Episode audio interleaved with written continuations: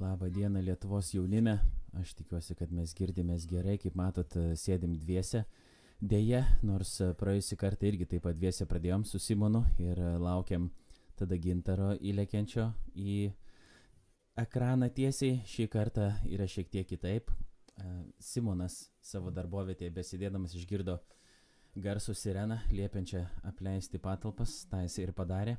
Ir dabar stovi kažkur kieme Vilniui Saulėtik ir kažkada Vilėmės, kad uh, dar sugrįš, jeigu tik tai, uh, tai yra pratybos, o ne tikras gaisras, ko mes uh, labai vilėmės, kad taip nėra, bet trys davatkos, kol kas dvi jūsų eteryje, žadam papezėti apie šį bei tą.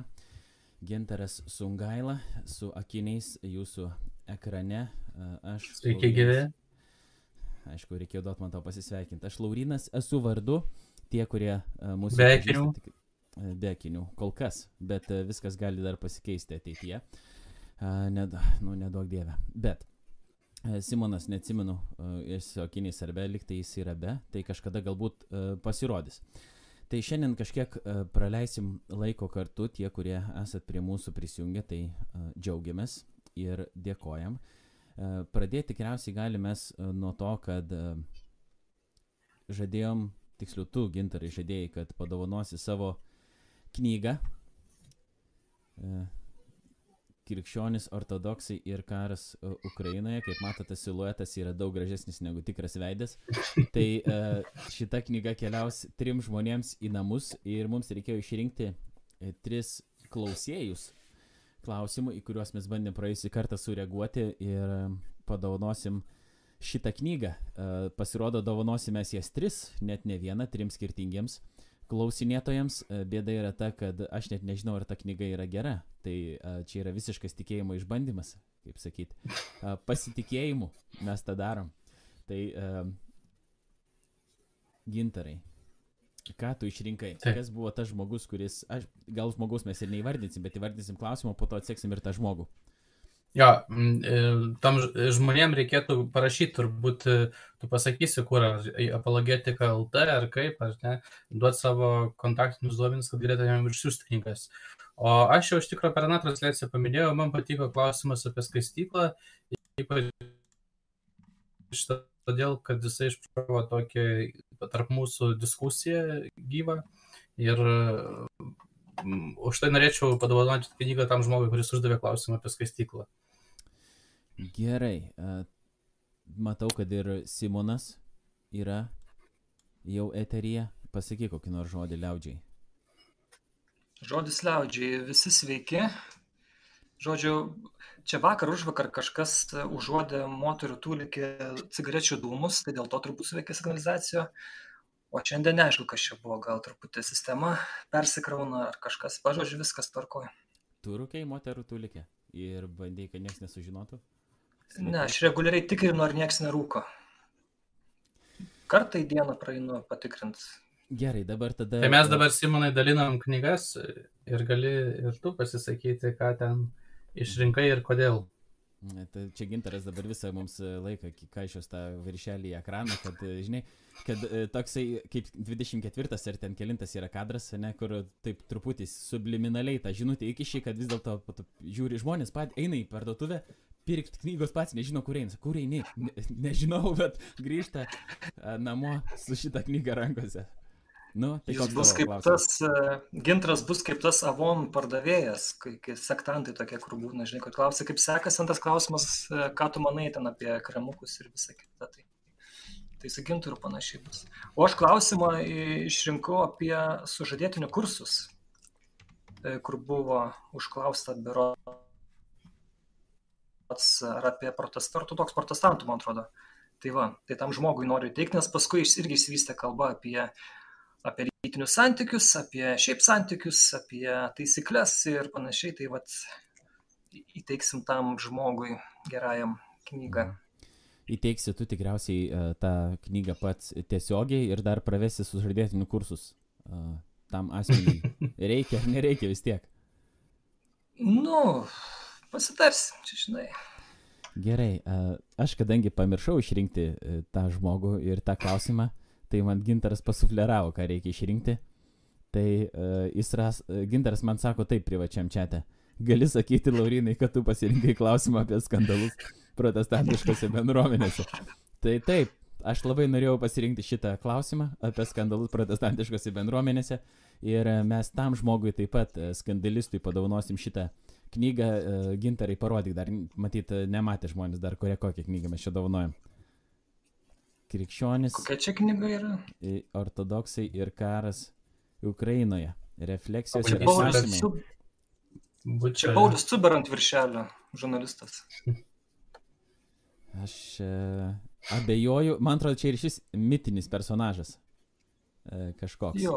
Nes jis be nosies yra, be, be kaktos, be lūpų. Na, nosies tai gal biški yra, palauk. Yra nosies? Kaip čia? A, jo, žiūrėk, yra biški. Baubukas kažkoks kaip lietuvių ten. Akių neturi. Žinai, žinai, kaip čia yra? E, jeigu esate žaidę kokį nors, esate žaidę NBA žaidimus e, per kompą. Oi, taip. Tai ten būdavo galima susikurti savo personažą kažkokį, e, su kuriuo tu gali visus daužyti. Ir dabar visi įgyvendina savo vaikystės svajonės. Žinai, kad tu, ta prasme, nebūsi niekad nei aukštas, nei stiprus, nei gražus. Tai tada susikuri tą personažą ir e, Lebroną Jamesą dedi į pavėsį. Tai čia taip pat ant viršelio gali save užsidėti kokį nori. Realiai, dabar prasme. Kita bus knyga, kur ne tik veidas bus, bet bus gintaras be maikės, ta prasme, viršutinė čia dalis, sikštekas, krūtinė išdirbta, tas hantelis kitoje rankoje. Tai toks yra planas. Aš, buvau, atsimenu, kompiuterinės, kai eidavom Joniški, nu, po pamokų ar per pamokas kartais, Tai e, toks Sega Mega Drive toks būdavo kompas, kaip PlayStation analogas su kompaktais ir buvo toks NBA kažkėlintų metų žaidimas jų. Ten gali irgi kurti savo veikėją. Tai atsimenu, buvau tokį pasidaręs patį mažiausią tokį lisputą.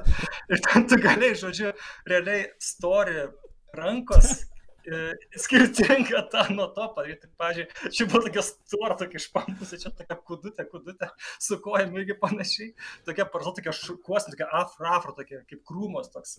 Ir vardas jau buvo Osama bin Laden. Jis mokėjo dėti iš viršaus. Realiai gali padaryti bėgiojantį kvadratą irgi. Uh, Gerai, žiūrėkit, mes turim uh, prisifarširavę visokių klausimų, ačiū tiems, kurie tuos klausimus atsiuntė. Uh, man sakė, kad aš tyliai girdžiuosi, tai dabar tikiuosi, kad aš girdžiuosi ženkliai geriau. Uh, aš jums gerai girdžiuosi, ne, vyrukai? Jo, puikiai. Gerai, gerai. Aha. Uh, tai pabandysiu, jeigu ką, rėkti, realiai rėksiu ir, ir, ir tiek. Šiaip, kadangi vėl mumis aplankė tokie netikėtumai, kaip Simono pabėgimas iš pastato, tai um, aš buvau sugalvojęs labai jokingą tokį pristatymą, bet uh, pamiršau viską mūsų ir nebepristačiau mūsų taip jokingai, kaip norėjau. Tai uh, eisim be šito pristatymo, bet paleisiu dabar uh, be garsi uh, trijų davatkų logotipą judantį, kitaip uh, vadinamą animaciją. Ne, nepavyko, parodžiau tiesiog save, save iš kito kampo. Nori dar pažiūrėti mane iš kito kampo, va. Aba. Wow.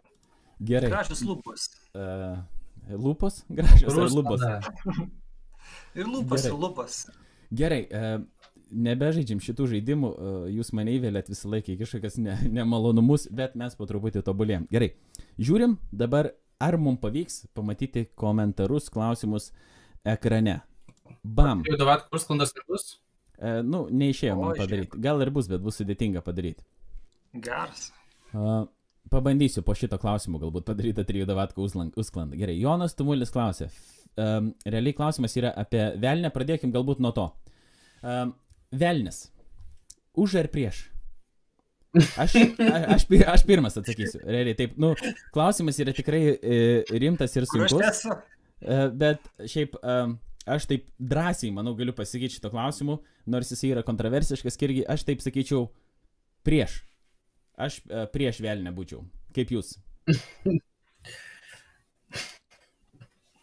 tu toks vėlinio fobas esi, aš tai pastebėjau. Tolerancijos pas mane yra mažai, aš to taip pasakysiu. Mhm. Mhm. Nu tai prieš čia jokio kito pasirinkimo. Neduoda mums Biblija Mhm, tu prieš, ne visi. Aha, tu esi religinis fanatikas ir esi prieš. Gerai, nu, nes tau Biblija taip liepia. Uh, gintarai, prašom, kaip, kaip, kaip jūs?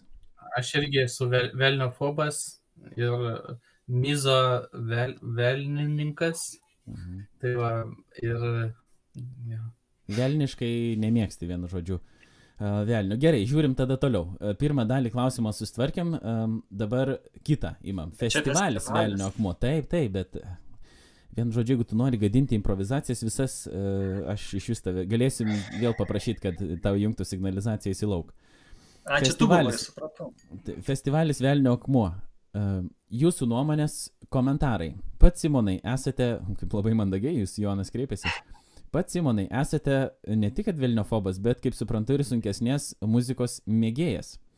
Ar yra kažkokių prieštaravimų su jūsų išpažįstamu tikėjimu, ar nelabai? Galbūt įdomiausia būtų apie satanistinę simboliką panašių festivalių ir grupių, ar krikščionys turėtų taip kažkaip reaguoti, ar praleisti pro akis. Ačiū Jonui už klausimą. Uh, nežinau, ar knygą jisai laimės. Arba galima atimti iš to žmogaus knygą, kur buvom padovanoję, kur aš nebuvau sugalvojęs klausimą ir atiduoti Jonui tiesiog šitą knygą. Arba Jonui tu galėsi atiduoti kokią nors, nežinau, savo... Uh, turi gitarą kokią nors Simonai iš savo. Arba Jonas galės, at... Aš turiu rimtą pasiūlymą. Mhm. Ai, aš turiu rimtą pasiūlymą. Jeigu Jonas neturi knygos, aš galiu jam padovanoti kunigo Andrew Deimiko, kas yra Evangelija. Nu, va, aš manau, kad Jonas džiaugsis. Ir po to šalia pridėsim biletą į kitų metų Velnio akmenį festivalį. Tiesiog. Priedo. Gerai, gerai, bandom tada reaguoti kažkaip. Simonai, kadangi tams tai klausimas buvo adresuotas daugiausiai, tai um, pasisakom. Mhm. Tai gerai, tai aš velnio akmenį arba tam Devil Stone nesu buvęs, tai čia apie tą iš vidinės pusės neturiu ką pakomentuoti, bet kiek e, iš kitų dalyvavusių teko girdėti, kad ten tiesiog, aišku, muzika yra tranki, e, sunki, bet e, pati ta publika jinai, nu, nėra kažkokia tai išskirtinai kažkokia agresyvi arba jokių tokių sus- nusiskundimų dėl pačių ten susirinkusių žmonių nė- nėra aplinkiniai sulaukę. Ir, o kalbant apie tą, jau čia mes nemažai buvom kalbėję vienam epizodė, ar, ar, ta sunki muzika čia neprieštaravė krikščioniškam tikėjimui, tai man asmeniškai pati muzika, pačios tos melodijos, pats tas trankumas tikrai ne, nes kitaip tada, žinai, tu gali prieštrauti nu, priekaištauti žmogui, kuriam patinka kokie variklio, lėktuvo variklio gausmas, arba ten kokie jūra stipriai ošinti, arba dar Keistai žinai. arba- žmonės tu pažįsti. tiesiog, žinai, Nu, kurie- tarkim, a- aštrią pizzą kiti valgo, ne, nes jiems patinka. Tai kiti sakytų, ką tu čia dabar žinai, čia per, per, per sunkus maistas, per, per aštrus. Ir... Bet čia, nu, čia yra forma. E, Kas, aišku, kalbant apie mm, pasirodymus, pavyzdžiui, scenose, nu, jeigu, tarkim, ten atlikėjai šokinėja plikais pimpalais ant scenos, tarkim, mane, arba ten, nežinau, dar kažkaip ten skatina smurtą labai agresyviai ir konkrečiai ir kokio gašlumo, tai aišku, tada aš į tokius neinu pasirodymus, tada, mm, arba jeigu, pavyzdžiui, pasidomiu, kad jie vat, tokius performances daro, žinai, tai tada, nu, man nelabai man ten yra ką veikti. Arba jeigu, pažiūrėjau, tarkim, žinau, kad tas atlikėjas yra koks nors prorusiškas ir iškels e, Rusijos vėliavą per savo pasirodymą, tai aš irgi ten neįsiu, nes tiesiog, nu, aš nepalaikau to, to jo veiksmo. E, Aš pažiūrėjau dabar, vat, prieš, e, besiruoždamas prieš tą mm, mūsų pokalbį Devil Stone reklamą, tai ten tokios ištraukos, toks, aš turbūt pačios ryškiausios, nes tų ten grupių įvairiausių yra. Ten tipo viena grupė, ten kažką ten kriokė ir, ir pjauna manekenui galvą ir ant to manekeno užrašyta seks ir, žodžiu, ten kraujai, atsit kažkiek kraujai taškosi simboliniai. Tai, nu, gal čia yra kažkokia užslepta prasme, žinai, bet šiaip, tai jeigu toks pilikas brutalus, toks, toks smurtas, žinai, tai, nu, tai, tai irgi nelabai palaikyčiau ir, ir, ir, ir, ir neičiau, man jau čia šiaip kertas apskritai su tokiu, nu, supratimu, kas yra ta muzika.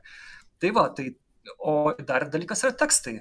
Tai, žinai, būna daug metalo muzikos, o, Va, aš tau duosiu su, su, sureagavimą truputį. Čia yra... nu tai va, tai kalbam, jo. Jo, vakarų scena šį vakar, vak, jo, vakarų scena šį vakar virto erdvė ant gamtiškam ir juodam mirties ritualui. Nu, tai va, tai čia, žinai. su nukryžiuotu apverstu Kristum.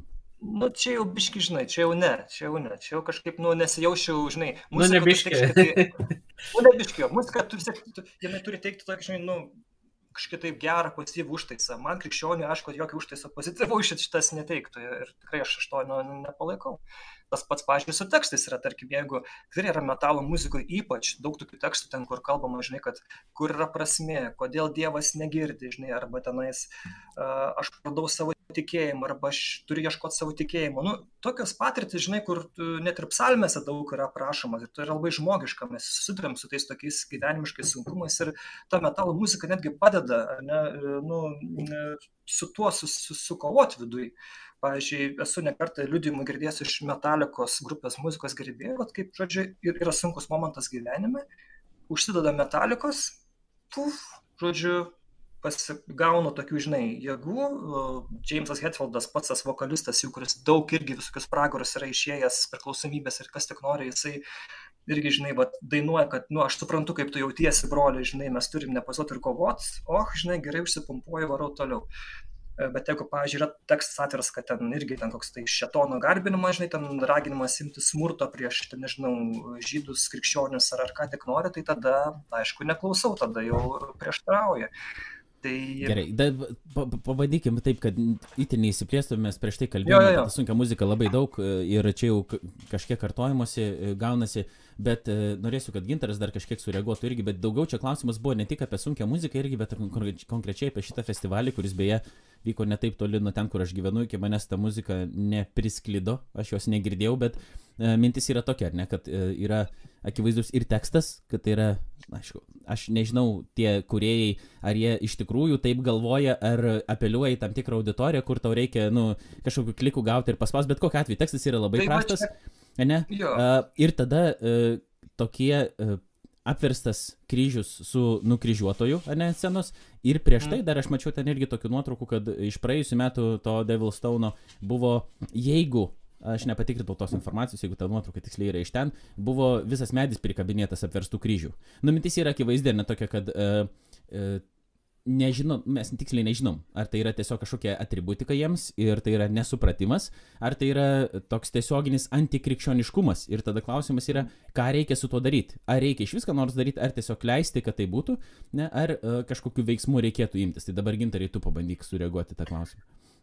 Jo, tai e, mano pirmiausiai, tas festivalis prasidėjo 2009 metais pirmą kartą, man atrodo, ir uh, tada aš dar baiginėjau kaip tik mokyklą. Uh, Ir labai gerai atsimenu, aš buvau dar netikintis ir man buvo pasiūlymas varyti tą festivalį. Ir dar aš būdamas netikintis, aš mąsčiau taip, kad, kadangi pamačiau tas pavadinimas Velnio akmuo, pamačiau tą visą satanistišką simboliką. Ir aš taip savo mąsčiau, ir tokia ta paskalė lažybas, tik aš biškiai atvirkščiai mąsčiau. E, taip sakant, e, tų paskalė lažybų e, būdu, kad galvoju, va jeigu pasirodytų, kad Dievas yra, tai tai, kad aš dalyvavau kažkokiuose satanistiniuose dalykuose, būtų blogai.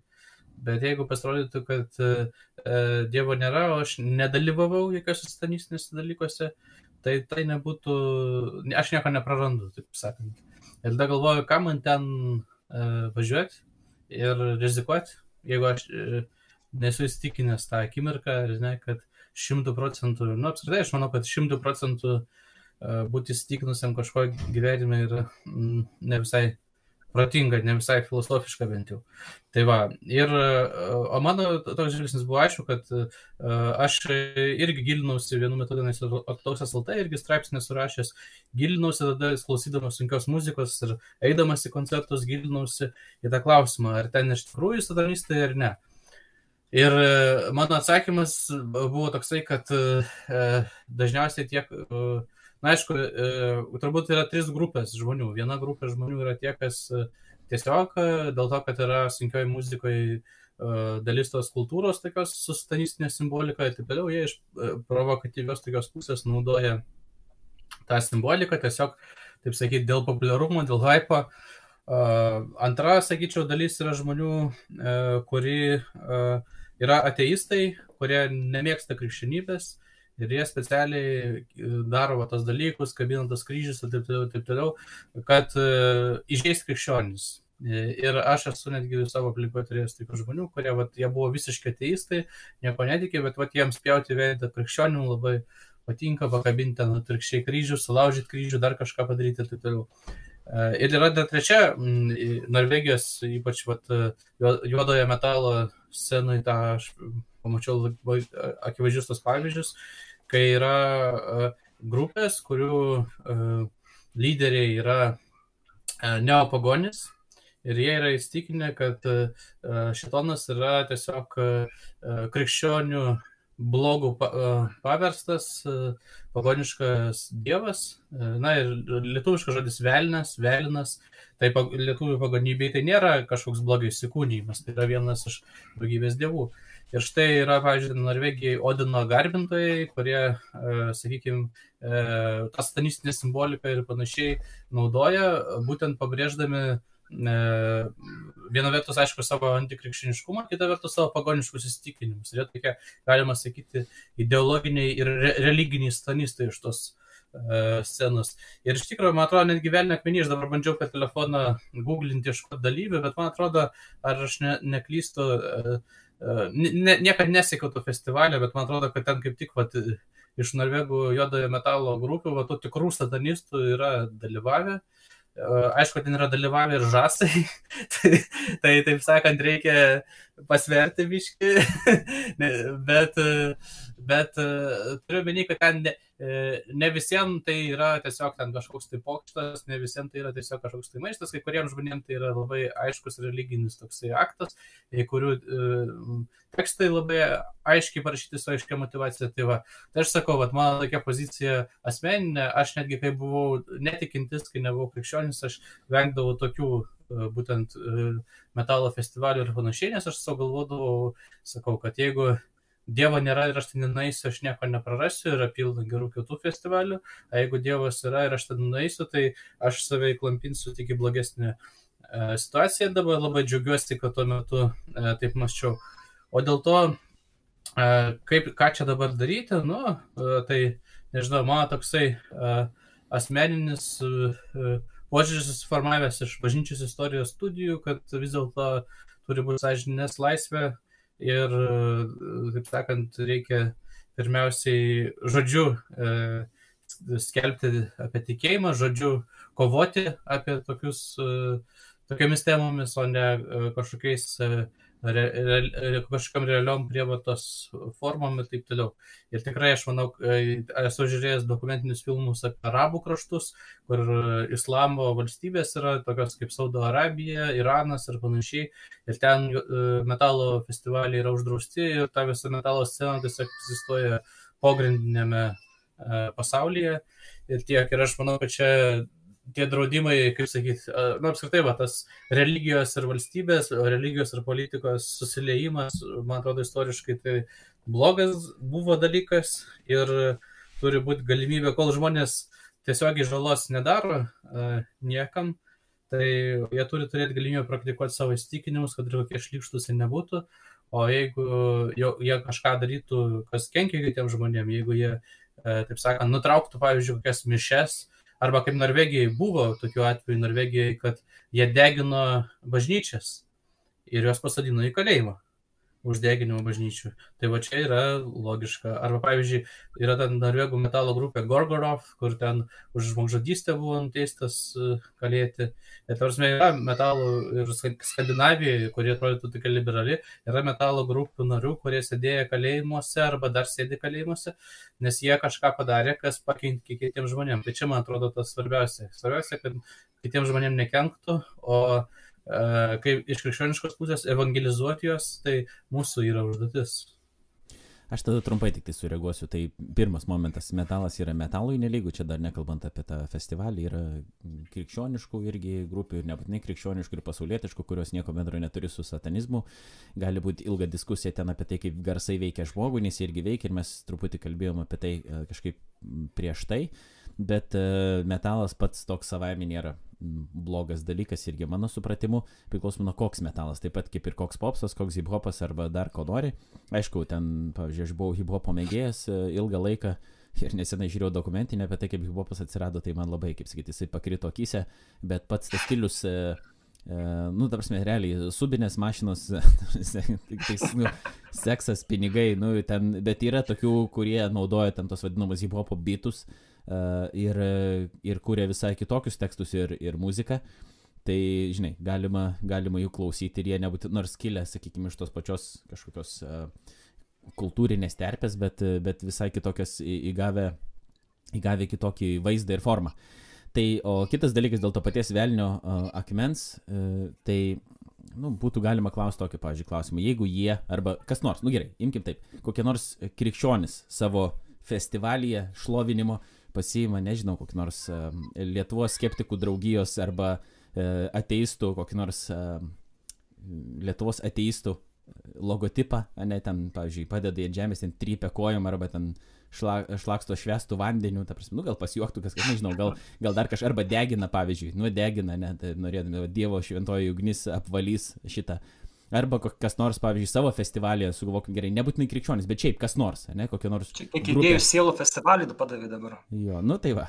Neapmokestinamas, nemokamas kol kas. Tai uh, kas nors, pavyzdžiui, nuspręstų LGBT kokią vėliavą, ar ten uh, ką nors, pavyzdžiui, deginti, pavyzdžiui. De, deginti arba tam, nu, kažkaip, nežinau, įsityčioti iš simbolikos, sakykime, aš, nu, šarš, aš vienareikšmiškai šaršalas žiauriai pakiltų, ne? Uh, tiesiog šiandien aš irgi klausiau tinklalaidės apie tai, kaip antikatalikiškumas prasidėjo, ne tik antikrikščioniškumas, bet konkrečiai antikatalikiškumas Amerikoje. Ir, ir kad tas autorius pasako, kad yra tiesiog normalizuota, mes galim tai išplėsti ir krikščionybės, e, e, kalbant apie krikščionybę, kad e, daug dalykų mes, iš daug dalykų mes tyčiotis negalim ir teisėtai negalima taip atvirai tyčiotis, ne ten dergti žmonių ar ten dar kažko, bet kažkaip tyčiojimas iš, iš krikščionybės jis yra normalizuotas. Prasme, net, net nekyla klausimas, kodėl, vat, pavyzdžiui, apie krikščionis galima kažkaip kalbėti, arba galima ten tos e, nu, krucifiksą apverstą e, laikyti festivalį, ne? Praktiškai bet ką kitą, ką tu sugalvotum, kokią nors kitą grupę, sąjūdį, e, religiją, ar ne? E, tai iš karto taip pat būtų, nu, šaršalas didžiausias pakeltas visuomeniai. Ne tik ten kelių žmoni, žmogelių, ne Facebook'e pasipiktinimai, bet būtų ženklis didesnis ir kažkas būtų daroma. Bet iš krikščionių kažkaip e, įsitikinimų ir sim, simbolių, kurie krikščionims yra šventi, yra uh, normalu tyčiotis. Nu ir yra normalu.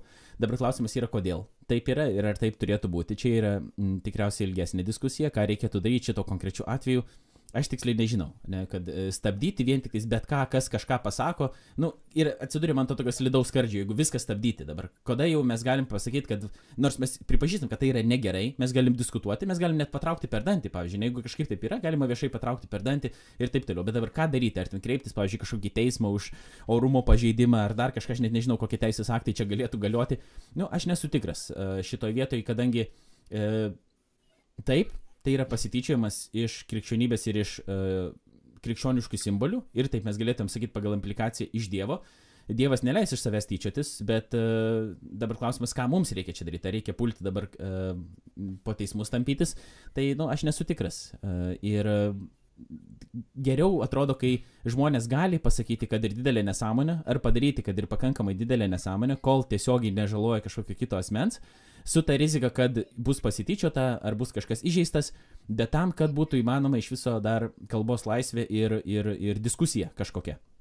Nes kitų tada, nu, gali mums išleisti kažkokį sakymą, kad mes kažko negalėsim sakyti, nes bus prilyginama kažkokiam įsitik, nu, neapykantos kalbai ar dar kam nors.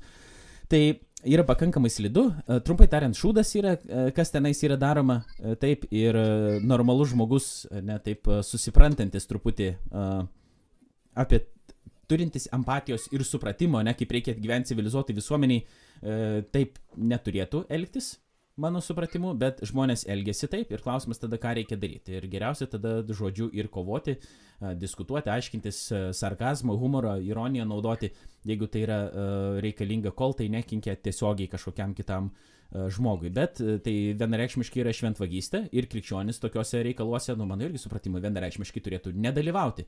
Net, nu, tarsi, jeigu ne, netiesiogiai priešintis, tai, tai nedalyvauti.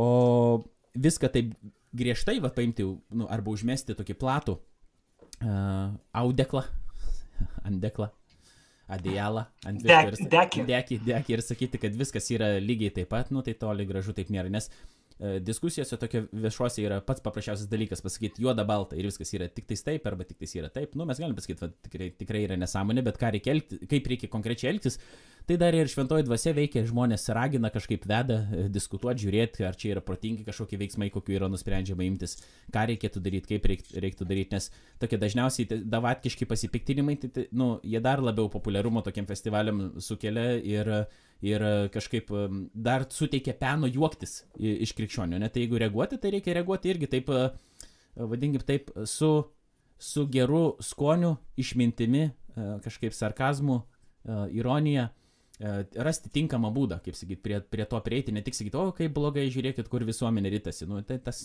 nelabai ne ką čia padės, reikia geresnį būdą surasti, uh, kuris adresuotų tą pačią problemą. Galbūt irgi kažkaip tada reikia šokiruoti, nežinau, kad žmonės atkreiptų dėmesį, kaip tą reikia padaryti, va čia jau yra klausimas, ne? Bet, bet vis tiek uh, gerbent asmenį, ne, kad ir koks jisai būtų gyvybės.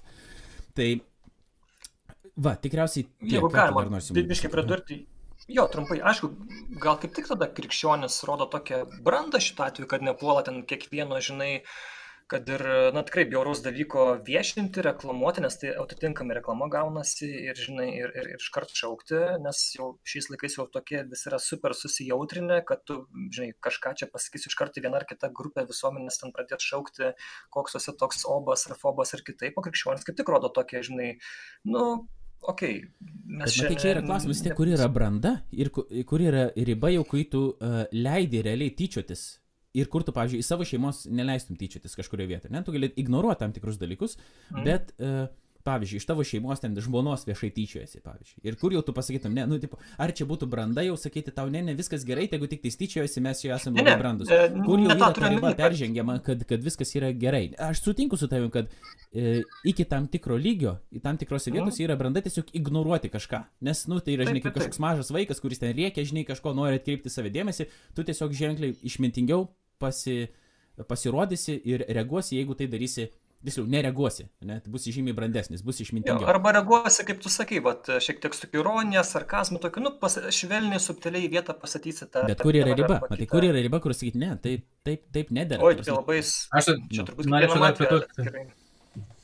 Pridurti dar, kad čia ne tik branda, ne branda, bet čia yra dar toksai giluminus kultūros brožas, dėl to, kad, e, kaip sakiau, jeigu pažiūrėsim į kitas kultūras, ar ne, e, tai e, nu, islame e, labai kategoriškai, pavyzdžiui, negalima tenais tyčiotis iš pranašo, negalima, e, reikia pagarbiai ten elgtis su Koranu, tai todėl daugelį tų visuomenių yra atinkami statymai, arba jeigu net vakaruose vyksta kažkokie incidentai susijęs su tuo, tai e, atitinkamai yra reaguojama. Ir čia, pavyzdžiui, kas ten šitas MMA stebi, tai tenais buvo tasgi uh, labai garsus atvejis. E, McGregoras su šituo. E, jūs žiūrit e, UFC, MMA?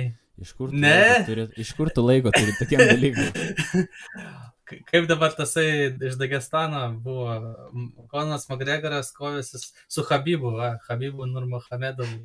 Tai ten uh, čia netgi taip sakyti, va, būtent iš religinės pusės buvo labai įdomus susidūrimas, nes uh, tasai uh, Konas Magregoras, jisai airis iš uh, šiaip jau tradiciškai katalikišką kultūrą, bet aišku, jis ten nėra ten labai katalikas, bet esmė tame, kad galima pamatyti, ar ne, jis ten gali gerti viskį ir taip toliau, ir taip toliau.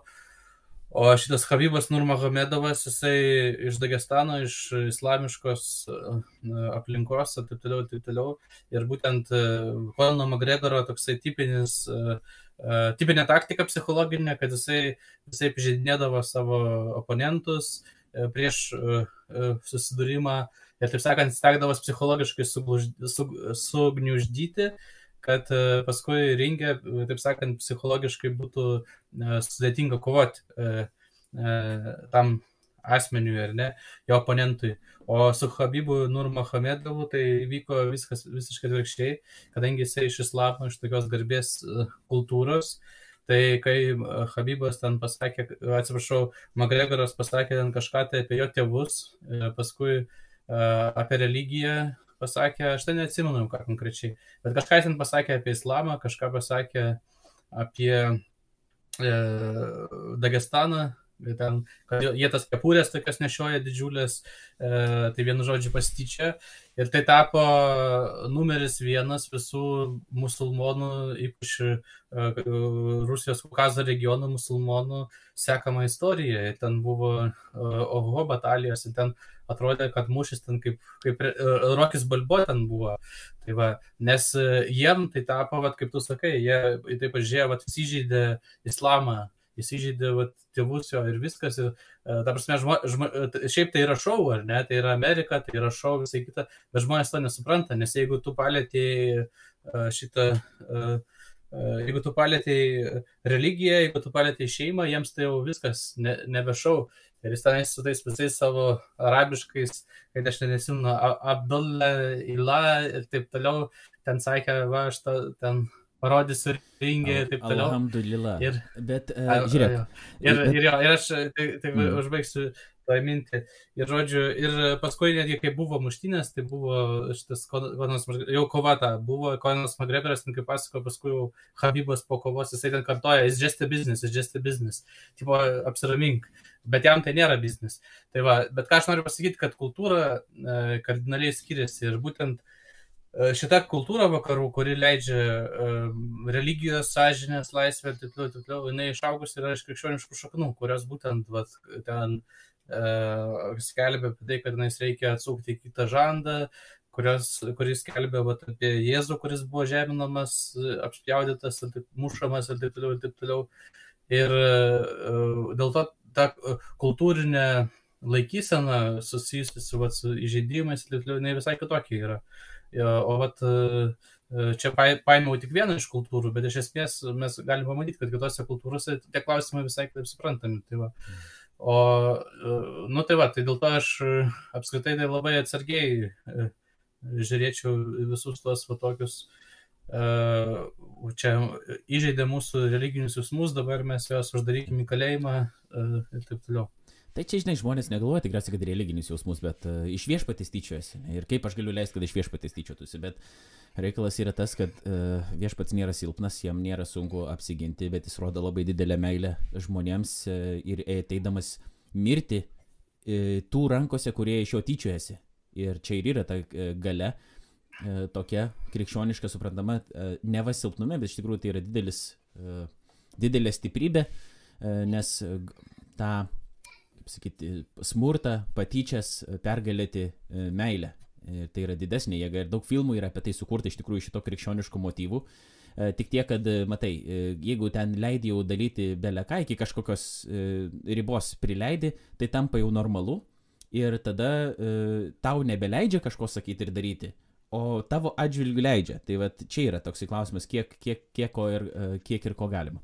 Gerai, bet uh, irgi su visa pagarba musulmoniškai kultūrai griežto šarieto, tai tikrai uh, atsisakyčiau gyventi, nes irgi, kas yra suprantama ten kaip garbė, arba kad, va, kaip tu minėjai, negalima uh, gerti ar dar kažko, žinai, tai, žinai, yra tokių dalykų, kur taip, vat, kurie čia yra iškeliami, tarsi kažkokios vertybės islamiškai kultūroje tur. Uh, yra tokių dalykų, kur uh, tikrai mes nevertintumėm kaip gerų, nei per kur, nei per vieną, nei per kitą vietą. Tai uh, dėl to reikia, kaip sakyt, puoselėti savo vidinį žmogų, mylėti ir tuos, kurie tyčiojasi ir ieškoti būdų, kaip apie tai kalbėti ir keisti žmonių nuomonę ir veiksmus su Kristaus meile, šventosios dvasios jėga. Ir Simonai, užbaig, nes mes visą laidą prašnekėsim apie tą patį klausimą.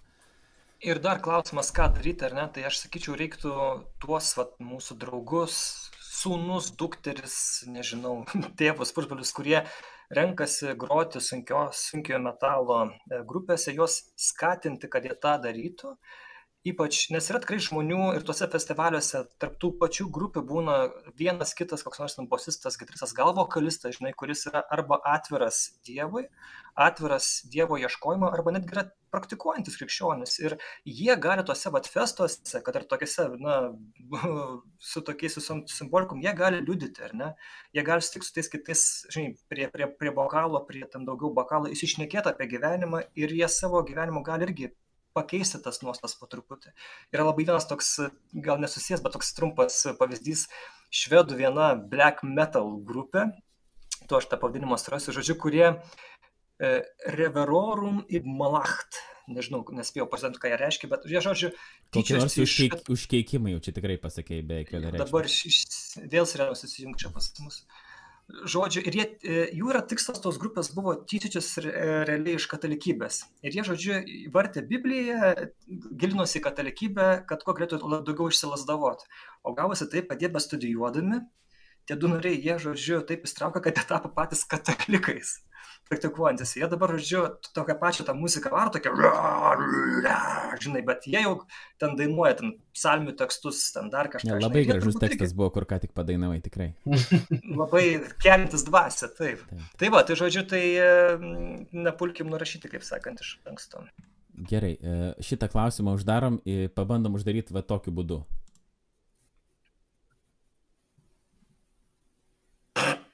O, pagaliau prasideda laida. Kita muzika. Aš nežinau, kodėl muzika negroja, bet, bet mes po truputį judame į priekį. Gerai, mėlyjei. Dar Taip, sėkiu a, uždėk, dar galėsim padainuoti fonę. gerai, tuoj pat bandom. Nu.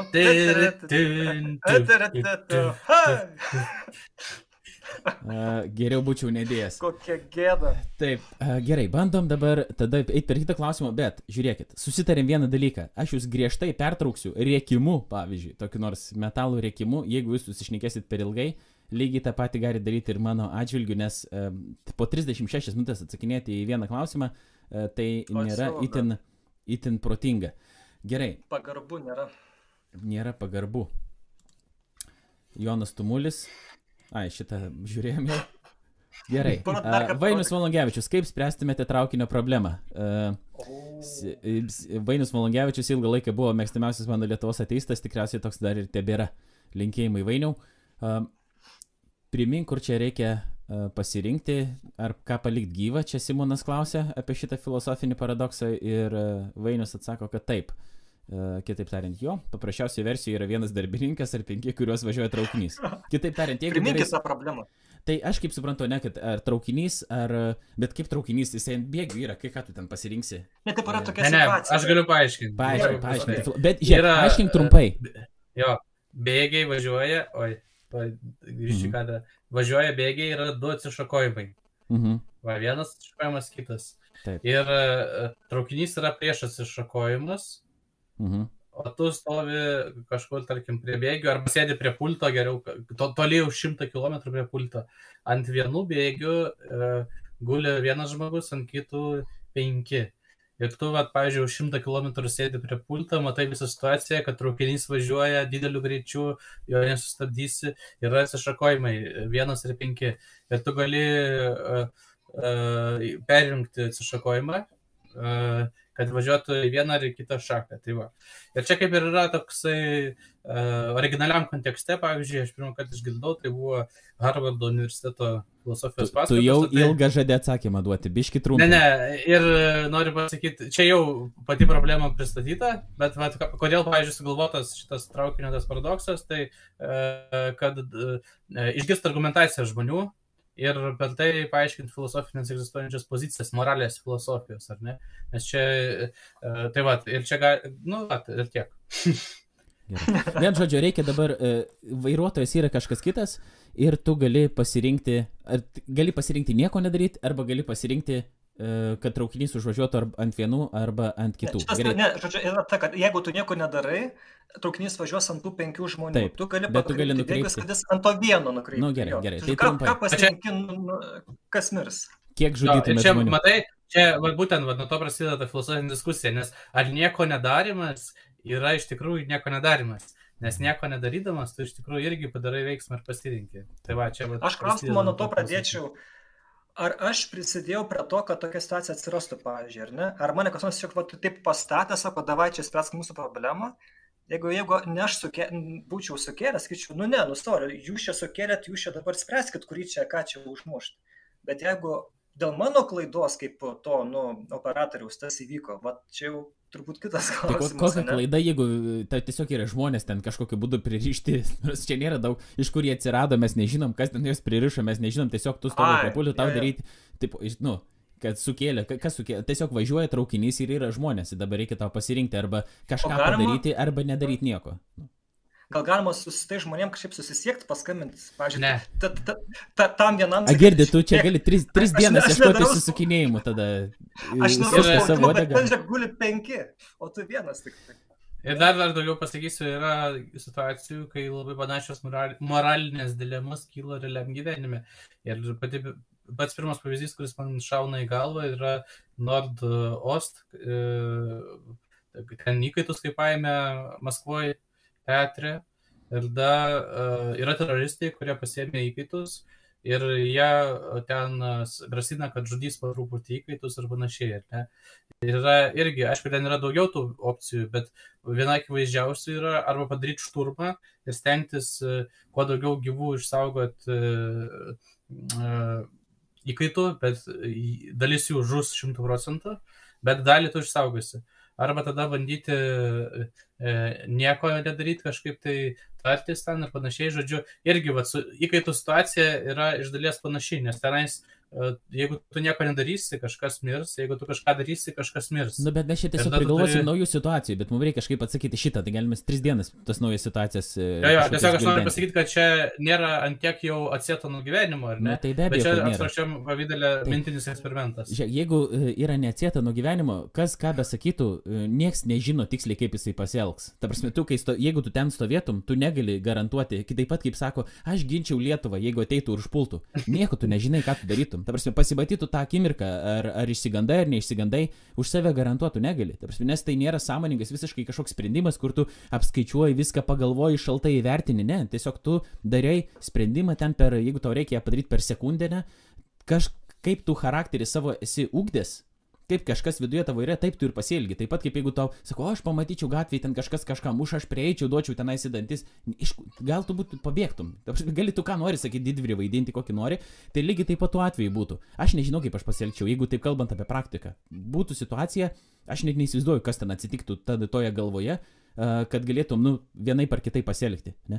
Tai, e, o kaip teoriškai reikėtų galvoti, na, aišku, tai yra du tokie momentai. Tai vienas yra, ar uh, jo nieko nedarimas i, iš tikrųjų yra nieko nedarimas ir atrodytų, kad vis dėlto pasirinkti nieko nedaryti, nebent jau biblinė prasme žiūrint, taip žiūrint ne tik filosofiškai, kad neveikimas taip pat gali būti nuodėmė. Jeigu tu matai, pavyzdžiui, daromą neteisingumą ir neįsikišti, tai yra blogai.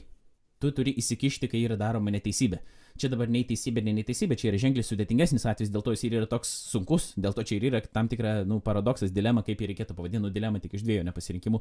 Bet uh, teoriškai visą laiką turi rinktis tą, kas yra mažesnis blogis. Jeigu neįmanoma pasirinkti yra gėrio, turi tada rinktis tas, kas yra mažesnis blogis, tai tada sakytum, jo reikėtų leisti ant to vieno žmogaus, bet tai yra vis tiek vieno žmogaus nužudimas. Ne? Dar yra Taip, kitas tas variantas. žmogus yra vaikas, pavyzdžiui. Nu, nu tai va, tai tad vėl tu matuoji, tipo, kas yra tas geresnis, nu, seniai. Profesorius gali būti. Arba, nu, profesorius, vaikas, ten senas, jaunas. žinai. narys.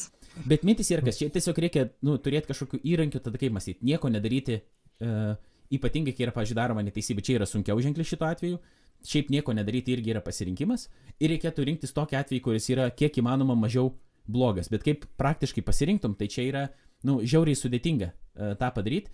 Uh, ir uh, kas toj galvoj dėtųsi, niekas negali tau tiksliai uh, pasakyti. Dabar aš leisčiau, aš nenorėčiau leisti, uh, ta prasme, aš nenorėčiau dalyvauti jokio žmogaus užmušime, bet uh, kartais tos sun- sunkius sprendimus reikia padaryti.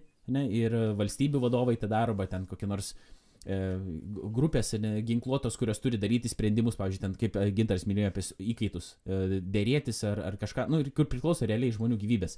Ir vis tiek ten, tenka daryti kažkokį sprendimą, tai reikėtų melstis tuo pačiu metu, kad Dievas duotų išminties kažkokį tą sprendimą padaryti ir prašyti atleidimo. Jeigu suklysi kažkur pasitikėdamas, kad Dievas vis dėlto dar gali kažką, nu, ir stebuklingo padaryti, ką žinau. Aš dar norėčiau pridėti, kad tu tai, ką pasakėjai apie charakterio formavimą, tai irgi filosofinė pozicija, darybė etikos pozicija, nes e, tu iš esmės pasakėjai, kad va, žmogus, kaip jisai save formuoja, kaip jisai e, gyvena, e, va, ir čia filosof, antikos filosofai sakytų, ar ne, kad ir e, kaip jisai masto, kaip jisai ne tik, taip sakant, nežinau, tenais, e, kokius poelgius daro, bet tarkim, kokias jisai mintis, netgi galima sakyti, ku- kultivuoja, nes galima tam tikras, taip sakant, medituoti mintis, apma, apmastyti tam tikrus filosofinius klausimus iš anksto. Ir vienu žodžiu, ir žmogus nuo to priklausomai, kaip jisai gyvena, jisai formuojasi, formuojasi jo charakteris, formuojasi jo darybės rydos. Ir tada yra tokia savybė kaip išvalga arba su, supratingumas, fronesis, kur tu va tą akimirką praktinę, e, tu jau iš to viso savo suformuoto charakterio padarai sprendimą. Tai va čia noriu pasakyti, kad ar ne tai, kad tu pasakė, irgi va filosofinė pozicija, kad uh, maždaug kaip susiformuoja žmogus charakteris, taip jisai uh, pasielgs tą akimirką. Gerai, judant toliau prie kitų galbūt klausimų, nes vėl užstriksime čia ilgai. Justas Žukauskas klausė trijų dalykų, bet bandom dar trumpiau, nes vis tiek, nu, ne 5 minutės atsakinėjom, bet vis tiek kokį 15. Ką manote apie krikščioniškas sąjungas, profsąjungas, tokias kaip LVI ir kitas, kaip vertinat jų funkcijas? Taip pat, ką manote apie STI, uh, reikėtų suprasti sveikatos teisės institutą, gal tiksliau apie ten uh, esančius katalikus teisininkus, ar tikinčiųjų pasitikėjimas jais neturėtų mažėti, vien dėl to, kad jie sieja save su pseudomokslininkų institutu.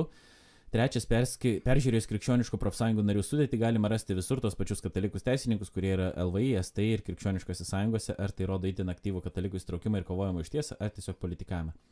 Davai, lietuviškai aš pasakysiu, leiskit man trumpai sureaguoti.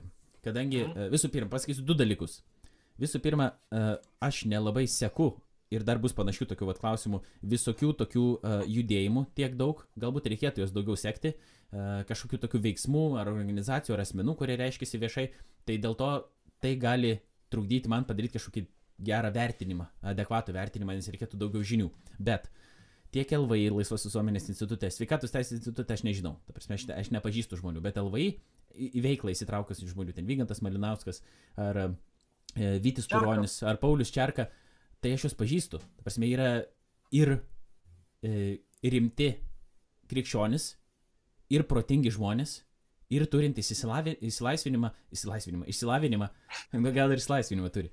Turintys e, įsilavinimą, jie nėra, prasme, jie nėra kvailiai, jie yra dėstytojai, jie yra įrodę, kad jie geba mąstyti, tai vien, žinai, čia toksai, jūs tai, e, jeigu tu žiūri, truputį, va, tą aš esu pastebėjęs, kad kai kurie komentarai e, yra tiesiog tokie, nu, kad sudėdami visi į vieną krūvą ir va, ten LVI, STI ar kas tik nori krikščionių prasme, kažkodėl jie yra kvaili, ta prasme, arba kažkodėl jie yra pseudomokslininkai. Iš kur aš žinau, ta prasme, aš nepadariau ten tų tyrimų, nei STI, nei dar kažko, kodėl jie yra tiksliai pseudomokslininkai. Aš nežinau šito dalyko.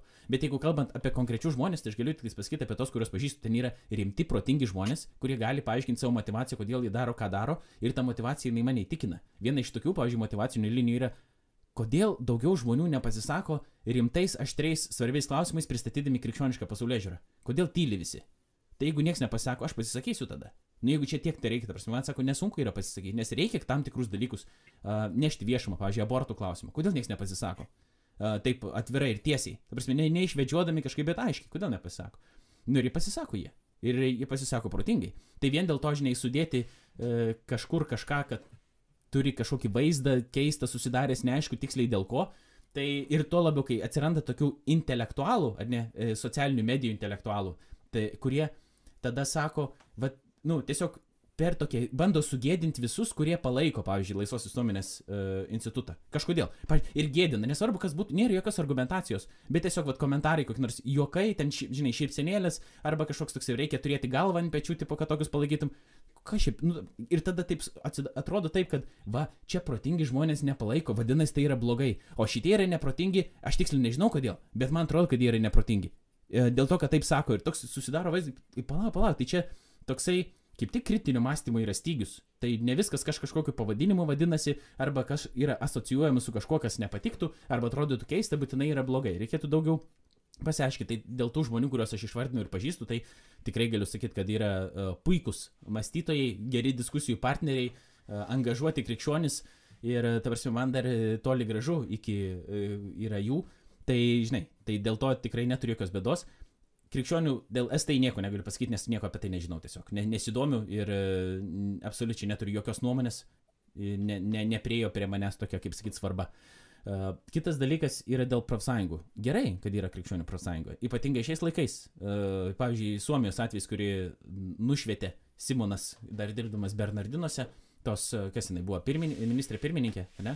Ne, ne, ne, jinai e, tuo metu politikė. Seimo narė. Buvo, buvo gal švietimo ministrė kažkada, bet. Na nu, gerai, į Lietuvoje dar galbūt nėra tokių aštrių atvejų, bet toj pat bus. Vat klausimas, žinai, kad e, kada galėsi būti išmestas iš darbo arba suspenduotas nuo ko nors, jeigu pasakai kažką, kas e, yra nepriimtina ten mainstream'e. Nu tai tada reikia, kad kažkas apgintų tavo įsitikinimus, ten interesus. Aš kažkada esu dirbęs uh, viešbutyje, dar net nebūdamas tikinti žmogus, bet kažkodėl buvo mada tada visiems bahūram uh, nešioti rožančius ant kaklo. Realiai, nu tai buvo. Tai kažkodėl. Buvo ne, ne, ne kryžiukus, bet vat, rožančių realiai nešioti ant kaklo. Valančiūnas jis tatuiravęs rožančių. Jo, jo, tai va aš irgi tokį turėjau, tą rožančių, kaip bahūras. Ir man atėjo viešbučio e, vadovė, sako, Laurinai, nusimk, negalima. Sako, kodėl negalima? Man net nebuvo jis tiek svarbus, kaip mane sunervavus, kodėl negalima. Sako, jeigu ateis kažkas kitokiais įstikinimais, ta prasme, tu jį papiktinsi tenais ir, ir taip toliau. Ne?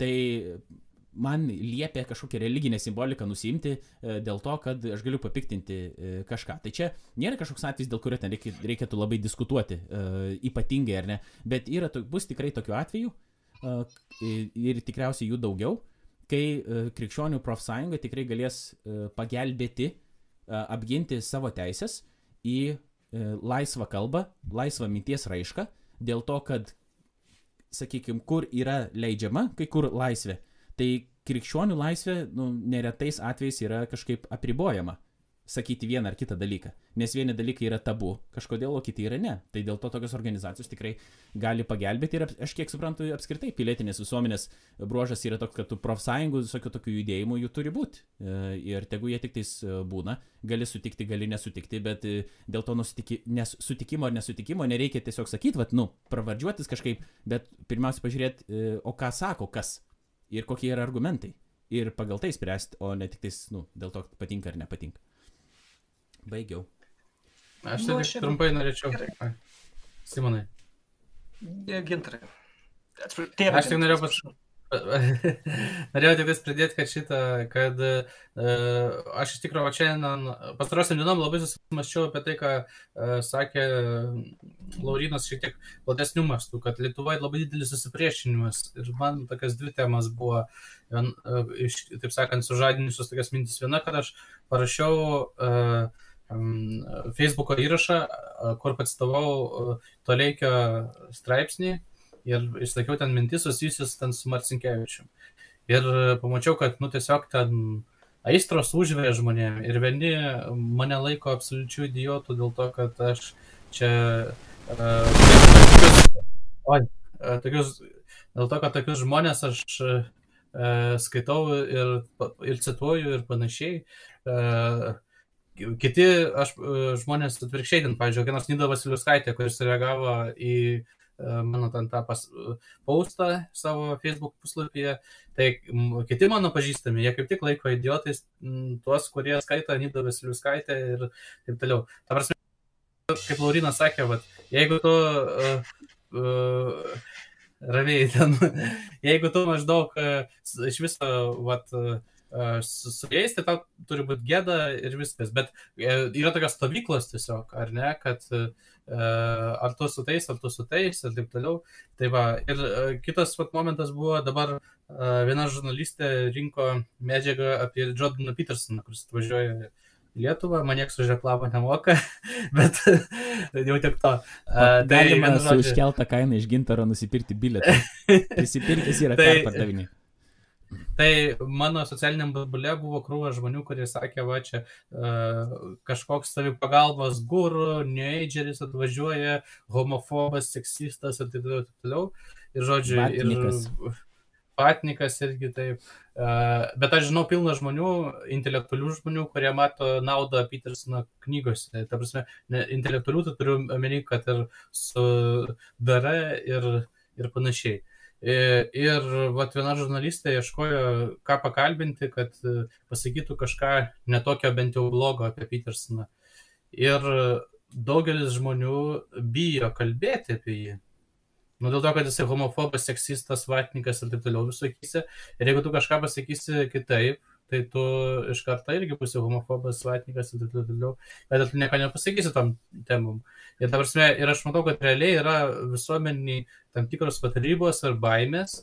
E, ir vat, kas liečia vat, STI ir taip toliau, aš nelabai irgi domiuosi tų institutų veikla, Bet aš matau vat, irgi tą patį dalyką, kad maždaug jie tam tikram visuomenės, tam tikro grupė, jie skaitosi va, jie idiotai, nesvarbu, kad iš tikrųjų vat, jie turi ten tas pats Vėgelė, jis turi, buvo advokatų ten asociacijos vadovas ir profesorius, ir taip toliau, nu ne idiotas tik tai, bet vat, kažkokiam visuomenės uh, stratė, kažkokie grupiai, jisai yra vat, už ribų ir viskas, ir viskas, ką jisai sako, taip toliau, čia visiškai yra nesąmonė, ir žmonės netgi bijo kažkaip tai vat, uh, uh, kažką pasakyti į tą pusę kitaip, ar pozityviai, taip toliau, kad tik, tik nebūtum palaikytas, kad tu priklausai irgi tai grupiai.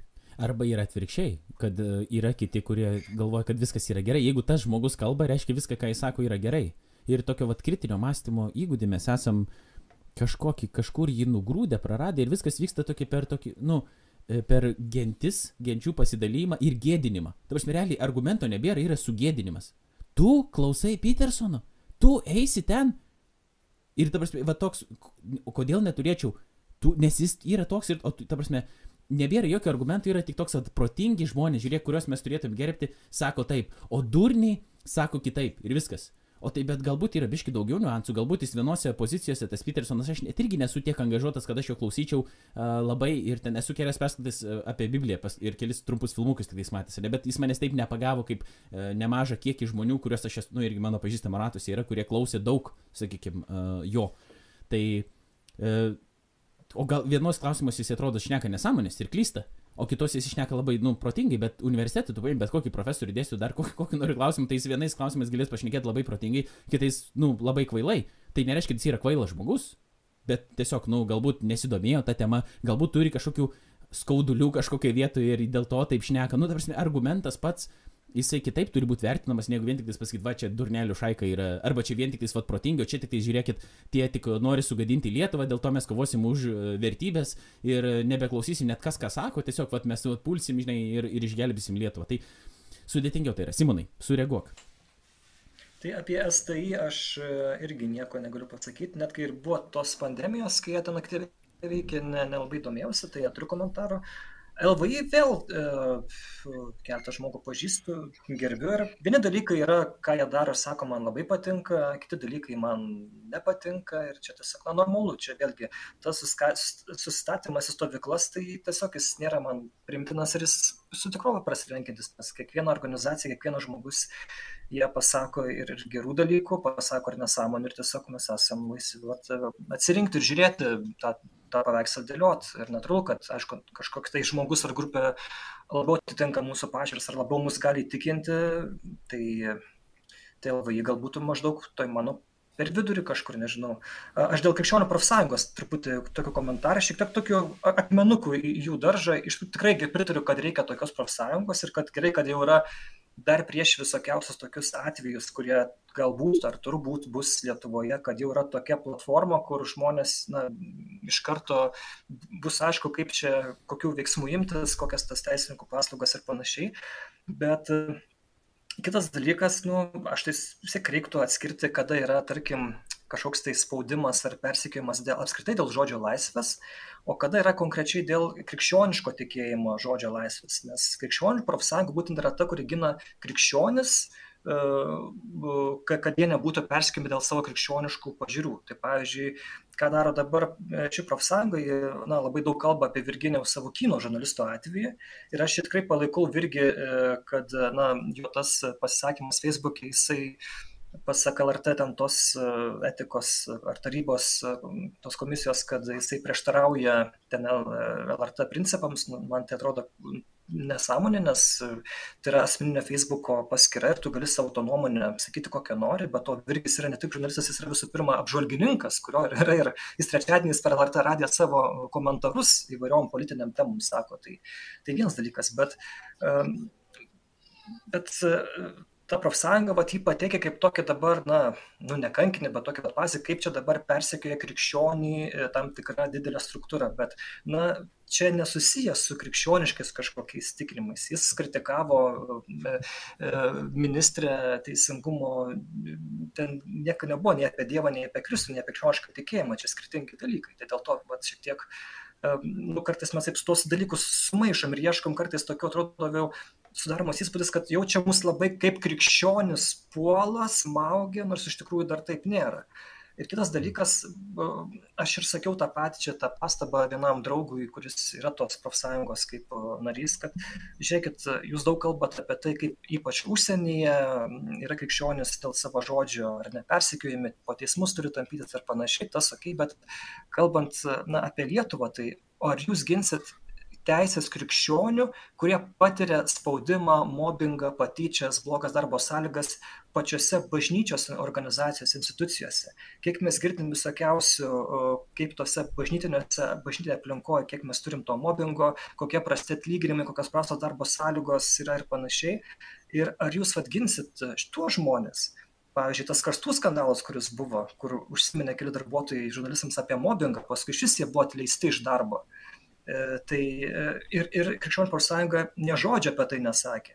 Nors atrodo, kad jie kaip tik turėtų ginti tuos mažutelius, tuos žmonės, kurie, kurie, kurie yra ir kurie dirba dėl tos pačios bažnyčios. Tai vat, e, aš tą pastabą išsakiau, sako, nu, tas žmogus, nu jo, čia verta ir tai, tai vėl toks, nu, šiek tiek mano tokiu įsitikinimu, kad čia Lietuvoje konkrečiai mes pirmiausia turim savo daržą gerai išsikopti. Nu, mes patys daug pradarom nesąmonių, daug blogio ir dažnai per daug mes kartinam išorę, bet mes pirmiausia turim viduje tvarkytis. Tai čia aš matyčiau tos profsąjungos irgi tokia labai uh, stiprų vaidmenį čia.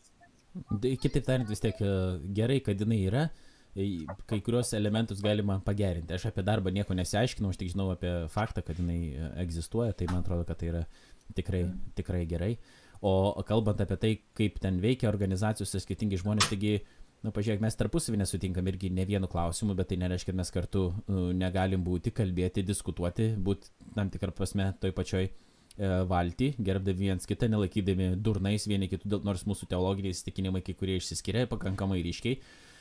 Ir Taip pat ir Bernardinuose, kai tu Simonai buvai, tai irgi, nu, Bernardinai daug žmonių su, sudaro tą organizaciją, bet kokią, kokią, kokią nori tik organizaciją paimk, tu negali pasakyti, kad šita organizacija, pavyzdžiui, durna visa. Dėl to, nu, tu turi žiūrėti, kas, kas per žmonės, ką sako jie, tie žmonės ir kai kurie tie patys žmonės gali vienu klausimu gerai pasakyti, klausimu blogai pasisakyti, o organizacijos gali žiūrėti, nu, ten, vertybės, idėją pagrindą, ant ko ir tada gali, nu, gali vertinti ir visą organizaciją kaip, nu, pažiūrėjau, prastą arba gerą irgi pagal tai. Tai nu, taip, aš tikrai dėl STI nieko negaliu pasakyti, dėl, uh, dėl negaliu pasakyti ir, o dėl profsąjungos apie darbą negaliu pasakyti, LVI apie darbą irgi ne, bet uh, tiesiog galiu pasakyti apie tos žmonės, kuriuos žinau tikrai, kad gerbiu ir vertinu ir tik uh, duok dievė jiems sveikatą. Ir prie kito klausimo.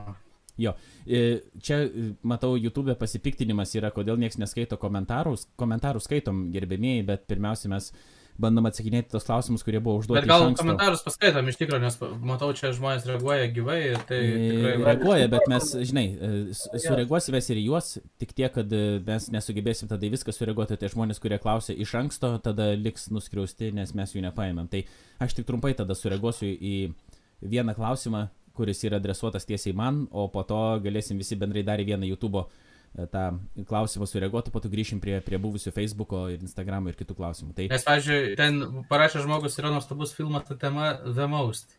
Mhm. Bet kurią temą iš mūsų šnekėtų. aš, aš nežinau, kas čia per filmas ir dėl to neturiu ką pasakyti. Bet, tai va, uh, bet turiu omeny, kad reikėjo paskaityti iš mhm. tikrųjų. Tai aš skaitau juos, aš tik ties neįgarsinu, mhm. nes mes pezam uh, apie kitką dabar. A. Tai niekur aš, e, nėra taip, kad aš jų neskaitau. Kokia Laurinai tavo nuomonė apie presupozicinę apologetiką, jei esi girdėjęs? Taip, esu girdėjęs. Presupozicinė yra viena iš apologetikos skripčių, kita yra klasikinė, tai presupozicinė. Jis laikosi tokios pozicijos, kad žmogus iš, iš esmės žino, kad Dievas yra, tai nereikia jo informuoti, kad Dievas kažkaip yra, jis tą žinojimą yra savyje užspaudęs, jiem reikia parodyti, kad nuodėmė spaudžia tą žinojimą, nu čia taip labai supaprastintai kalbu, ir tą žinojimą jam reikia tiesiog pamatyti, iš tikrųjų pripažinti, kad jis yra prieš Dievą nusidėjęs. Ir jeigu jis tą pripažins, jis kažkaip, e, jis nebematys uh, to, to, kas kliūdė jam pripažinti Dievo buvimą. Iš principo visi žino, kad Dievas yra, bet e, yra ta tiesa užspaudė neklusnume, kaip, e, kaip raštas sako, dėl to yra tada taikomas kitas metodas, ne, ne ten įrodyti, kad Dievas yra, kad Kristus uh, už tave, ne, ne, kad Kristus prisikėlė, kad uh, ir, ir, kitaip, nu, ir taip toliau ir panašiai, bet iš principo tau reikia suprasti tai, kad tu esi užspaudęs tą žinojimą apie Dievą kažkaip savyje. Ir tai yra nuodėmė. Nuodėmė yra didžiausia problema, dėl to yra tokia kitokia, kitokia metodika taikoma, vadinkim taip, apologetinė. Ką aš dabar apie ją manau, E, aš vis dėlto tokius esu daugiau klasikinės apologetikos šalininkas, e, dėl to, kad Ir aš iš tikrųjų mano disertacijoje apie tai aš kalbu. Tai trumpa mintis yra tokia, kad nei prezupozicinė apologetika, nei klasikinė, nei dar kas nors, nei evangelizacija, mūsų patys savame tie dalykai neįtikina žmogaus, kad reikia pasitikėti Dievu ir atsiduoti jo rankas.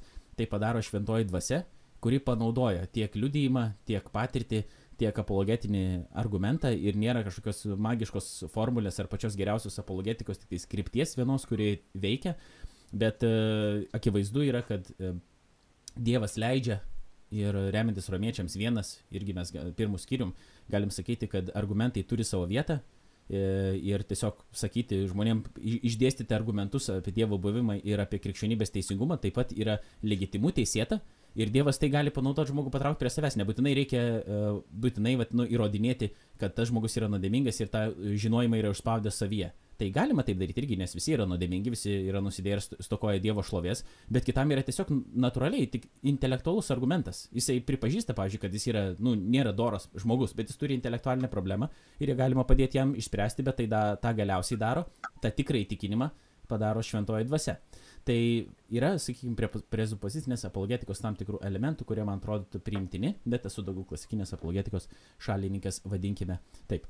Uh, tada kitas klausimas buvo, E, tuoj pat aš jums atidarysiu.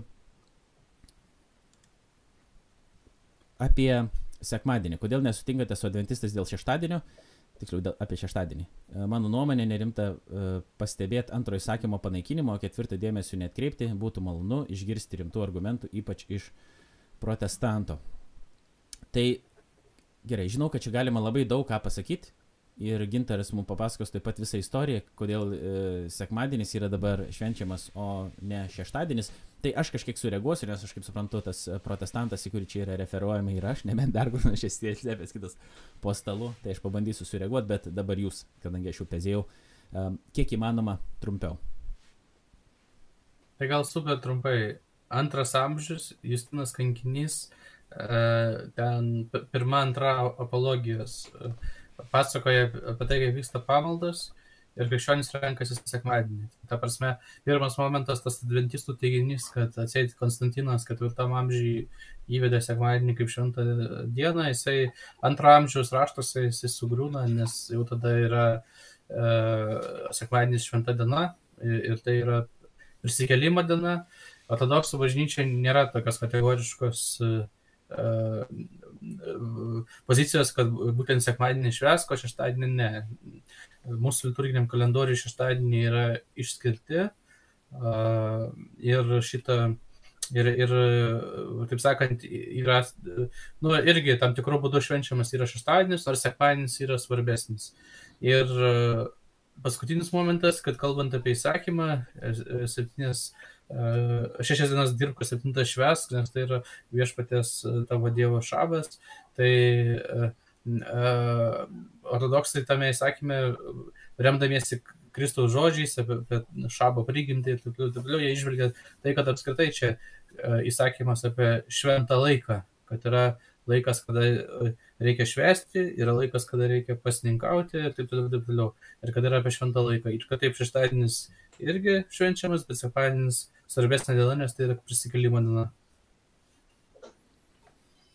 Nori Simonai kažką pasakyti? Tai pas mus tie patys bažnyčios tėvai, tai neturiu ką pridurti. Nu, čia daugiausiai dar ir, net, nu, aišku, prie katalikų uh, sakoma, ta, ta, tas kabinėjimasis, kad jūs įstatymą, nu gerai, viskas, kur ištriniai, kur padėjai, kur paslėpiai, kodėl nėra, kodėl tu, nes, kodėl tu nekenti Dievo, kodėl tu bandai apgauti žmonės, kodėl tu tyčiojasi iš visų, kodėl paslėpiai ir nesilaikai Dievo įsakymų. Yra dešimt Dievo įsakymų, o pas tavę net neparašyta yra, supranti?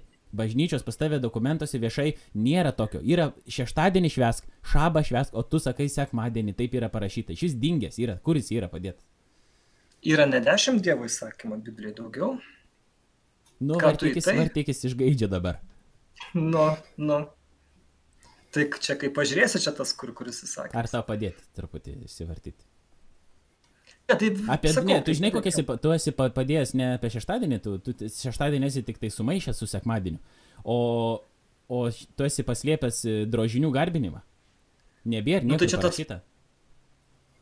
Nu, bet tai čia tas e, neturėk kitų dievų, tai čia įeina tas drožinių garbinimas. Tai čia natūralu labai yra. E, tu turi, aš vis tiek žinau kažkokį. Neradau ne vieną kataliką, kuris garbintų drožinį.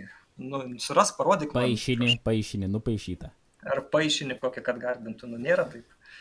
Gerai, žiūrėkit, e, tada galima taip pabandyti trumpai sureaguoti. Ginteras jau pasakė apie tą sekmadienį, aš dar prisimenu irgi Biblijos tam tikras vietas, kur apaštalas Paulius aiškiai labai sako apie tos, jūs nesiginčykite dėl tų šabų, dar dėl vis, vis, visokių tų dienų, nu, ir apie maistą jis ten kalba, irgi vienas valgo mėsą dievui e, valgo, kitas nevalgo mėsos dievui nevalgo. Nu, tipo, jis, čia ne tie klausimai, dėl kurių jums reikėtų draskytis, pergyventi nusprendė į šeštadienį šviesi, nu, švestą šeštadienį tenais ir, ir negalvo, kad tie, kurie švenčia sekmadienį, eina į pragarą, o sekmadienis švenčiamas yra kodėl? Dėl to, kad viešpatės prisikėlimo diena mm. irgi yra, ne? Ir tada uh, nieks čia nėra, kad brauko arba nesilaiko Senojo testamento įstatymų ir dabar adventistai vieni patys tik tai žino, kaip reikia daryti, o visi kiti krikščionys yra atkritę ir uh, nebesupranta ir trina Dievo įstatymus, nes kažkodėl šeštadienio nebenori švesti. Ne? Tai teisingai šabas yra kalba apie šventą laiką Ir gaunasi toks legalizmas, kad, va, nu, aišku, čia yra manoma, kad Dievo labai didelis gerbimas dėl to, kad jeigu šeštadienį susirinkti pamaldoms, nu, tai čia viskas jau yra, nu, tikrai labai gerbi Dievą, nes laikaisi e, to įstatymu. Bet jeigu kažkokie tokie dalykai yra atsiradę krikščionybė ir jie yra pakankamai plačiai paplitę ir įsitvirtinę, tikėtina, kad jiems yra gerų argumentų ir juos galima atrasti. Ir e, dažnai, kai atsiranda nedidelė kažkokia grupė, kuri sako, kad visi klydo visada, nieko nesuprasdami, Tai va čia yra raudona vėliavėlė, kurie paklaustų, o ar yra tikrai gerų argumentų šitam dalykui pasakyti, nes, nu, nebūtinai visi kiti yra durniai ir tiesiog nesusigaudo uh, visame kame. Uh, apie tą įstatymų ištrinimą šiaip dešimt dievo įsakymų, ten porai vietų. O galiu dar biškai prie to, ką tu ką tik pasakėjai, aš tai norėjau labai greitai. Kad, uh, pavyzdžiui, pas mane yra parapijoje žmonių, kurie dirba sekmadieniais, nes jie dirba pamaininį darbą ir viskas, ir jie negali nedirbti sekmadienį.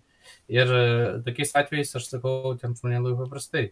Ateit darbo dieną ir viskas. Ir perkelti tą šabą į bet kurią kitą dieną. Į trečiadienį, ketvirtadienį, penktadienį, nesvarbu, tam vienam žmogui. Ta, tai bus šaba diena. Ir ta prasme, vat, irgi va, šitas klausimas, jeigu šeštadienis yra, vat, kaip, uh, jau kitaip negalima rinktis, turiu tik šeštadienį, o kas jeigu žmogui reikia dirbti šeštadienį, jis keliaus į pragarą, viskas. Mm. Tai va, čia aš apie tai, kad, ką tu sakei, kad Jėzus biškiai apie kitus dalykus šneka. Nu ir kitas dalykas irgi parašyta, nu, sakykime, jeigu priimtumėm tą adventistišką vertimą šeštadienį švesk, ką reiškia žodis švesk? Į pamaldas nueik. Ar yra kažkas po to žodžiu švesk kažkas kito, nes čia dabar ta švesk yra įgavęs tokią prasme, kad pamaldose tau reikia sudalyvauti. Ne? O švesk, nu, pavyzdžiui, jeigu žiūrėtume žydai, vis dar dabar kaip tebesielgia, ne? Šabą švenčia nedirbdami visiškai. Yra šabo liftas net. Toks kaip dalykas, kad to mygtuko nereikėtų paspausti, kad galėtų jis, nu, pats tiesiog įeitų ir jisai ten nesuvaikščiotų pakankamai, pakankamo kiekio žingsnių, per daug tai yra žingsnių tą dieną ir darbas uh, tavo nebūtų atliktas, kad tu ilsėtumės į viešpatį ir su savo šeima. Net ir sekuliarų žydai, kai kurie tai daro, nes yra įpratę tiesiog iš tradicijos. Ne? Tai, tai taip, kaip sakyt, špilpuotis yra labai lengva, bet uh, permastyti šitos dalykus reikėtų ženkliai giliau. Ir, ir tikrai yra krikščioniškos istorijos eigoje daug tie dalykai mąstyti, galima apie juos pasiskaityti ir pasidomėti. Dabar dėl tų dešimt dievų įsakymų, šiaip ten porą vietų jie, kaip minėjau, Senam testamente yra. Ir e, kai kur, kai žiūrėsi, tai net ne 10, jeigu tu taip žiūrėsi po vieną, tai gali būti ir 12, ir 13 suskaičiuojama, nors iš tikrųjų po to sakoma, kad vertimas šiaip turėtų būti ne 10 sakymų, o 10 žodžių. Dievas sakė 10 žodžių, tada jis ten žiūri į e, pradžios knygos. E, pirmus skyrius, kur irgi Dievas kuria žodžiu ir tenais jis sako, jeigu aš dabar gerai atsimenu, irgi dešimt žodžių, nu, kad yra sąsaja tarp to irgi. Bet kad katalikai, jie apjungia, kaip Simonas sako, tą pirmą ir antrą įsakymą, nes tie drožiniai, ne patys savaime yra, nu, pažiūrė, parašyta taip, ne, nedarysi jokio atvaizdo nei danguje, nei žemėje. Jeigu imt va tą įstatymą lygiai taip, ne pažodžiui, sakysim, jokio, du, tai čia neina kalba ne tik apie garbinimą, nes po to ir negarbins jo, bet parašyta yra, nedarys jokio drožinio, jokio atvaizdo, tai yra nei, nei to, kas yra danguje, nei žemė. Tai tu jokio paveikslo negali daryti. Tarsi turėtum realiai vaiko piešinį savo suplėšyti labai greitai. Be, nes ten yra parašyta ne tik, kad negarbinsi, bet kad nedarysi jokio atvaizdo. Nei to, kuris yra danguje, nei to, kas yra žemė. Ir čia joks nesilaiko žmogus. Prasme, tai kodėl tada mes pradedam rinktis tie dalykai, kurie mums patinka, uh, tie dalykai, kurie mums nepatinka. Ir, nu, kaip nori, taip susirinkti, taip, taip ir susidėlioja, ne? Tai realiai yra pas vieni vienaip apjungia tos įstatymus, įsakymus, kiti kitaip apjungia tos įsakymus. Ne? Ir uh, mums sako m, klausėjas, kad jo, taip, taip, ta pati pasaka, reikėtų čia suprasti, kad nu, mes kažkaip vardome šį iš gaidžio ir, ir viskas yra girdėta ir iš tikrųjų tiesiog numintis bus tokia, ne? jūs nesuprantat, jūs esate sekmadienio šventėjai, mes tik tais, nu, laikomės taip, kaip Dievas pasakė ir viskas. Nu, ir, ir tada, nu, daryk, ką nori tada. Ir aš nieko nelabai čia ką ir padarysi, ne? Jeigu ar, argumentų jokių nėra, tada, jeigu argumentų kalba nepadeda, tai ir tik tais vienintelis argumentas yra daryti taip, kaip sako, kažkas, kas yra kitaip sugalvojęs, nu, e, viskas ok. Tai taip pat Jėzų kaltino dėl šabo nešventimo. Bet Jėzų kaltino dėl šabo nešventimo. Irgi. Žinai, kodėl aš nervuojuosi? Mane tas uh, prigrebė tas toksai, krikščionių nėra daug, šiaip, ne? Ir tas skaldimasis ir išpilkavimasis vieni prie kitų už nieką, tokį, nu ne tai, kad už nieką, ne, bet um, arba ten netikrais pranašais, kas antras yra pavadinimas. Aš esu už, sakykime, tyrinėjimą teologijos ir doktrinų ir įsakymų, kad čia yra pasakyta negerai ir čia yra pasakyta negerai, esu už tai, ne, ir prašom kritikuoti ir mane, jeigu aš kažkur nusigrybauju. Bėda yra ta, ne, pavyzdžiui, apie netikrus pranašus, kai eina kalba tą apibrėžimą geriausiai atitinka, pavyzdžiui, Mohamedas, netikro pranašo. Um, tai kodėl apie tai niekas nekalba? kodėl krikščionys tyli apie šitos dalykus? Niekas viešai nekalba dėl to, kad yra baisu. Ne, nesinori kalbėti apie šitos dalykus, bet jeigu taip žiūrėt grinai bibliškai, ne, um, atkreipti dėmesį į tai, kas tenais buvo pasakyta.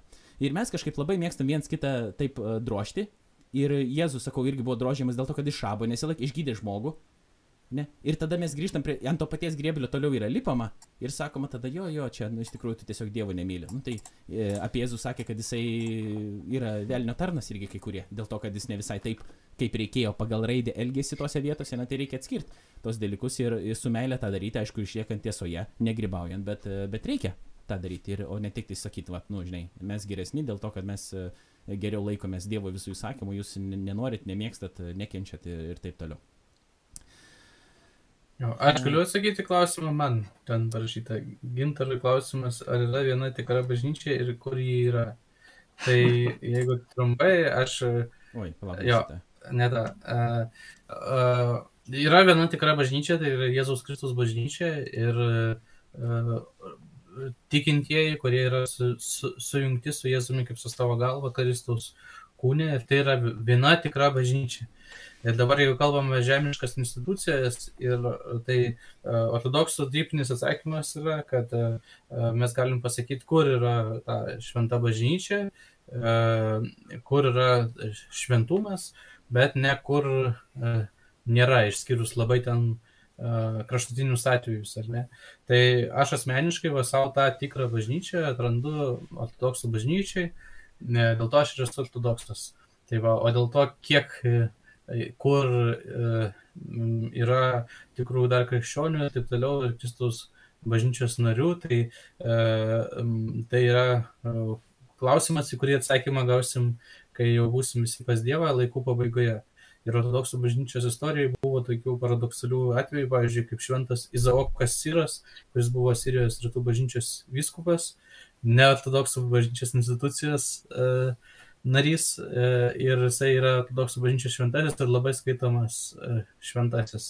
Jo skaitiniai raštai labai skaitomi. Tai, va, tai, e, taip sakant, yra Dievo tam tikras slėpinys, bet va, aš savo atrandu Kristus bažnyčią ortodoksų bažnyčiai, dėl to esu ortodoksas.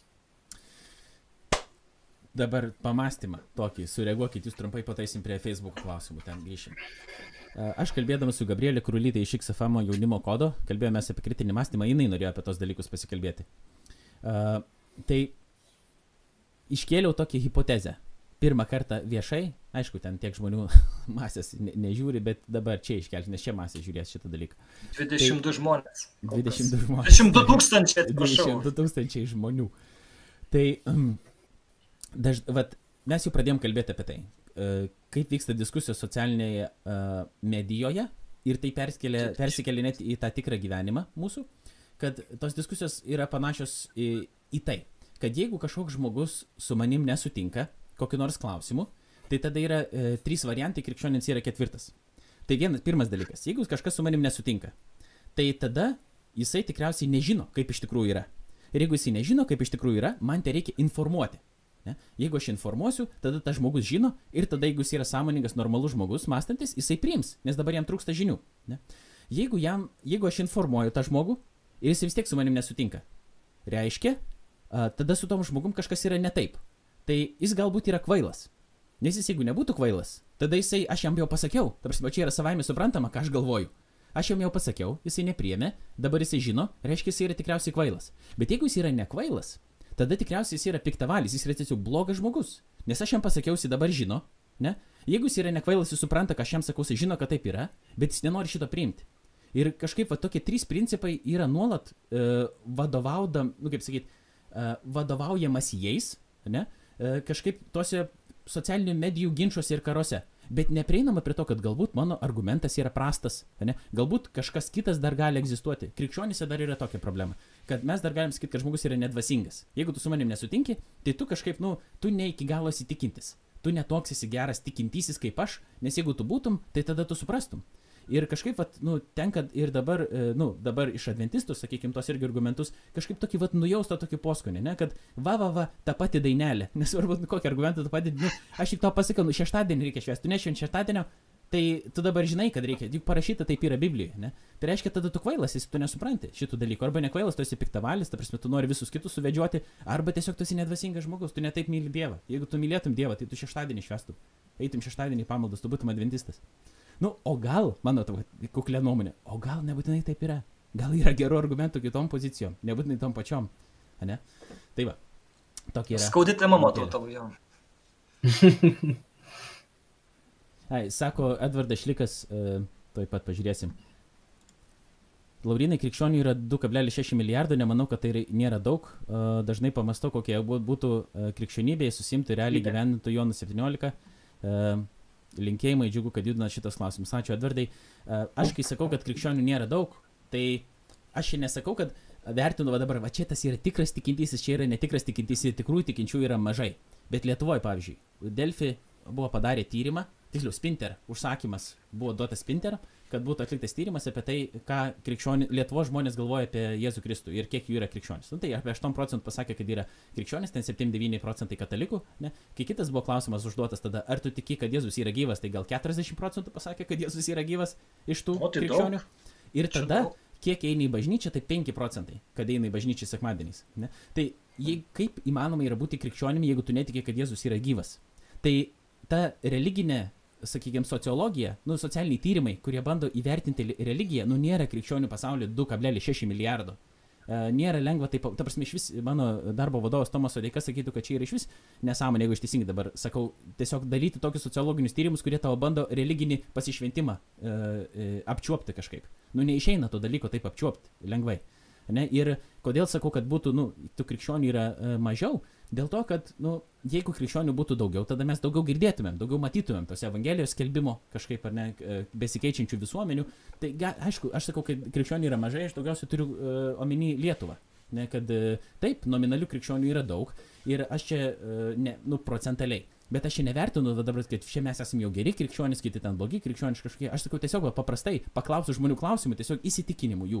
Paprastų dogminių įsitikinimų apie krikščionybę. Ir tada susijęs jau su praktika. Nu tai dauguma, nemažai žmonių, tų, kurie sako, kad yra krikščionys, jie netikės esminis krikščionybės tenginiais. Nu tai ką tada daryti?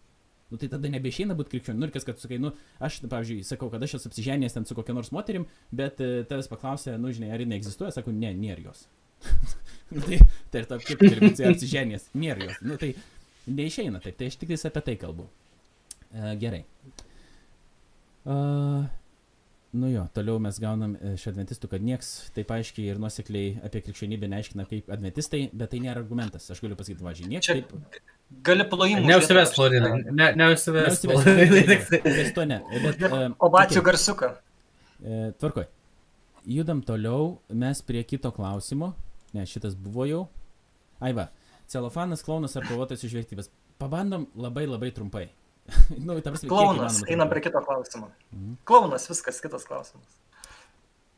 Kitas klausimas yra, sveiki, dirbtinis intelektas krikščionybė ir jos klaidoje. Kokie galimi jo a, panaudojimo būdai?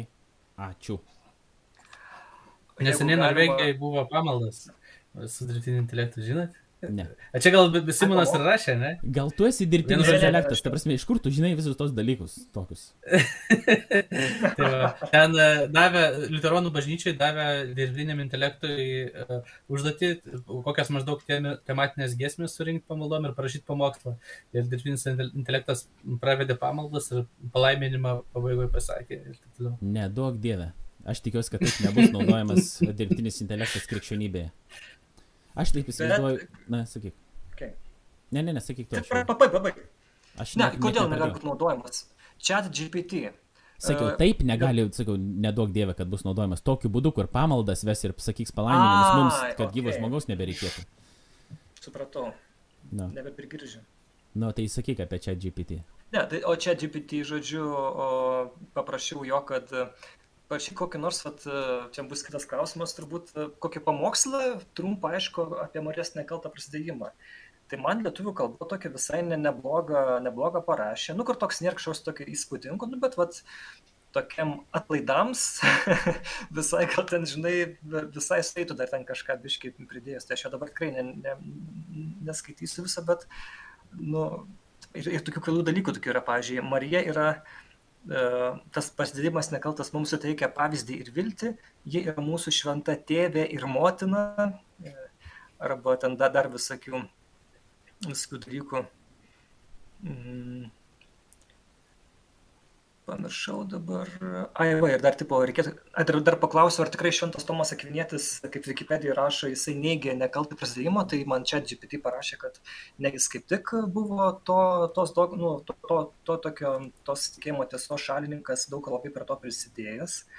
Tada paklausiau, o kur kokiam, kokiam tas šaltiniai, sako, nu čia, sorė, negaliu, klauskite jau ten teologų didesnių ir dar pridėjau nuo savęs, kad va, reikėtų kreipti dėmesį, kad šventieji yra žmonės, kurių vardai ir pasiekimai buvo pripažinti krikščionių bažnyčioje, remiantis jų šventumu ir pančiaužumu. Tai jo. Tai, tai esmė ta tokia, jo. Jeigu trumpai tiesiog galima tikrai, pavyzdžiui, vat, nu, naudot kažkam, bandyti įsiaiškinti, aišku, paskui vis tiek turbūt reiktų tikrinti, bet vat, jau tokius pamoksliukus jau jisai rašo, uh, arba tarkim dėl tų vaizdinių visų dalykų, kai ten parašyti ant tipo kokį, vat, kad tau dirbtinis intelektas kokį tai nuotrauką ale sukurtų ar paveikslą, tai irgi galima panuoti labai drąsiai evangelizacijai, tarkim, kad įsivaizduotų būtų tas robotas, tarkim, kokią nors biblinę sceną evangelinę, ar ne, ir kur Jėzus vaizduojamas ne kaip lietuvis šviesiaplaukis gražuolis, bet kaip pat žydų tautybės tamsaus gimė jaudų plaukų ilgesnių, Marija irgi, kuri vaizduojama tai, kaip tai turėtų atrodyti ta visa aplinka, tai, tai čia daug tokių smagių visą galimybę. Gerai. E, Šiaip tas klausimas tada... yra ženkliai sunkesnis, negu kad mes čia dabar pabandėm pasakyti ne apie čia GPT, tikriausiai tą naudojimą, bet uh, neraukiu aš labai apie tą dirbtinį intelektą, bet mintis yra tokia, kad tikrai daug bus moralinių klausimų, kuo toliau, tuo labiau. Pavyzdžiui, ten ar galima išlaikyti egzaminus, pasinaudojant tiesiog, kad tau parašytų kažkokį darbelį ar disertaciją, ar dar ką nori, kiek jau tenais turi būti tavo, kiek turi būti nebe tavo uh, į indėlio. Čia vienas dalykas, kitas dalykas vėl bus, kiek reikia gyvo žmogaus, kažkur, pavyzdžiui, bus sukurtas kažkoks robotas, kuris e, gal jau yra, e, kuris rūpinsis seneliais, pavyzdžiui, ir labai gerai pasirūpins geriau negu žmogus, jinai nepavargs niekada, e, pigiau galbūt bus. Tai ar taip reikia tada daryti irgi, ar vis dėlto žmogiško reikia prisilietimo ir nesvarbu, ne, ne viskas atsiriamė e, tik tais į e, ekonominius kaštus, arba ten, kad e, bus įmanoma, šiandien klausiu irgi tinklalaidėse, apie tai buvo klausimas, jeigu bus įmanoma žmogaus sąmonę į kompiuterį kažkokį pakrauti, ar mums bereikės Dievo, jeigu jinai pragyvent ženkliai ilgiau ir mes tarsi galėsim užtikrinti kažkokį savo nemirtingumą. Tai daug tų tokių bus e, moralinių klausimų. Aišku, kad dirbtinis intelektas kažkokią e, vietą gali atrasti. Krikščionybė klausimas yra kokia ir ne tik krikščionybė, bet pasaulyje, kokią vietą jis galės atrasti ir e, kaip jis vystysis, tiksliau bus vystomas, tai yra klausimas. Bet vis dėlto aš manau, kad žmogaus neperspjaus ne tai, kad nebus galima greičiau informacijos atrasti, bet žmogus yra unikalus Dievo kūrinys, o dirbtinis intelektas yra žmogaus kūrinys. Aš Simono norėjau pratesti vat, apie tos pamokslus. Aš irgi bandžiau uh, žiūrėti, kaip rašo pamokslus čia GPT. Ir, ar uh, žiūrėti, ar norėjai panaudoti, nes laiko nebeturėjai iš vakaro? Aš ir, uh, ne, ne, aš ruošiausi, aš uh, dalį minčių pamokslą netgi panaudojau. Uh, aš paprašiau čia GPT parašyti pirmos gavėnės sekmadienio pamokslą, tai yra ortodoksų bažnyčia ortodoksijos e, triumfo šventė, ortodoksijos iškilmė.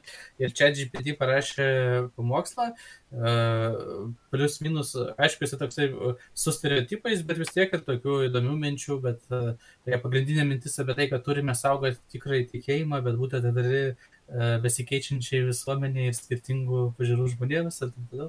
Bet, nu, žodžiu, ne, iš tikrųjų ten buvo tokių neblogų dalykų, kuriuos galima buvo panaudoti.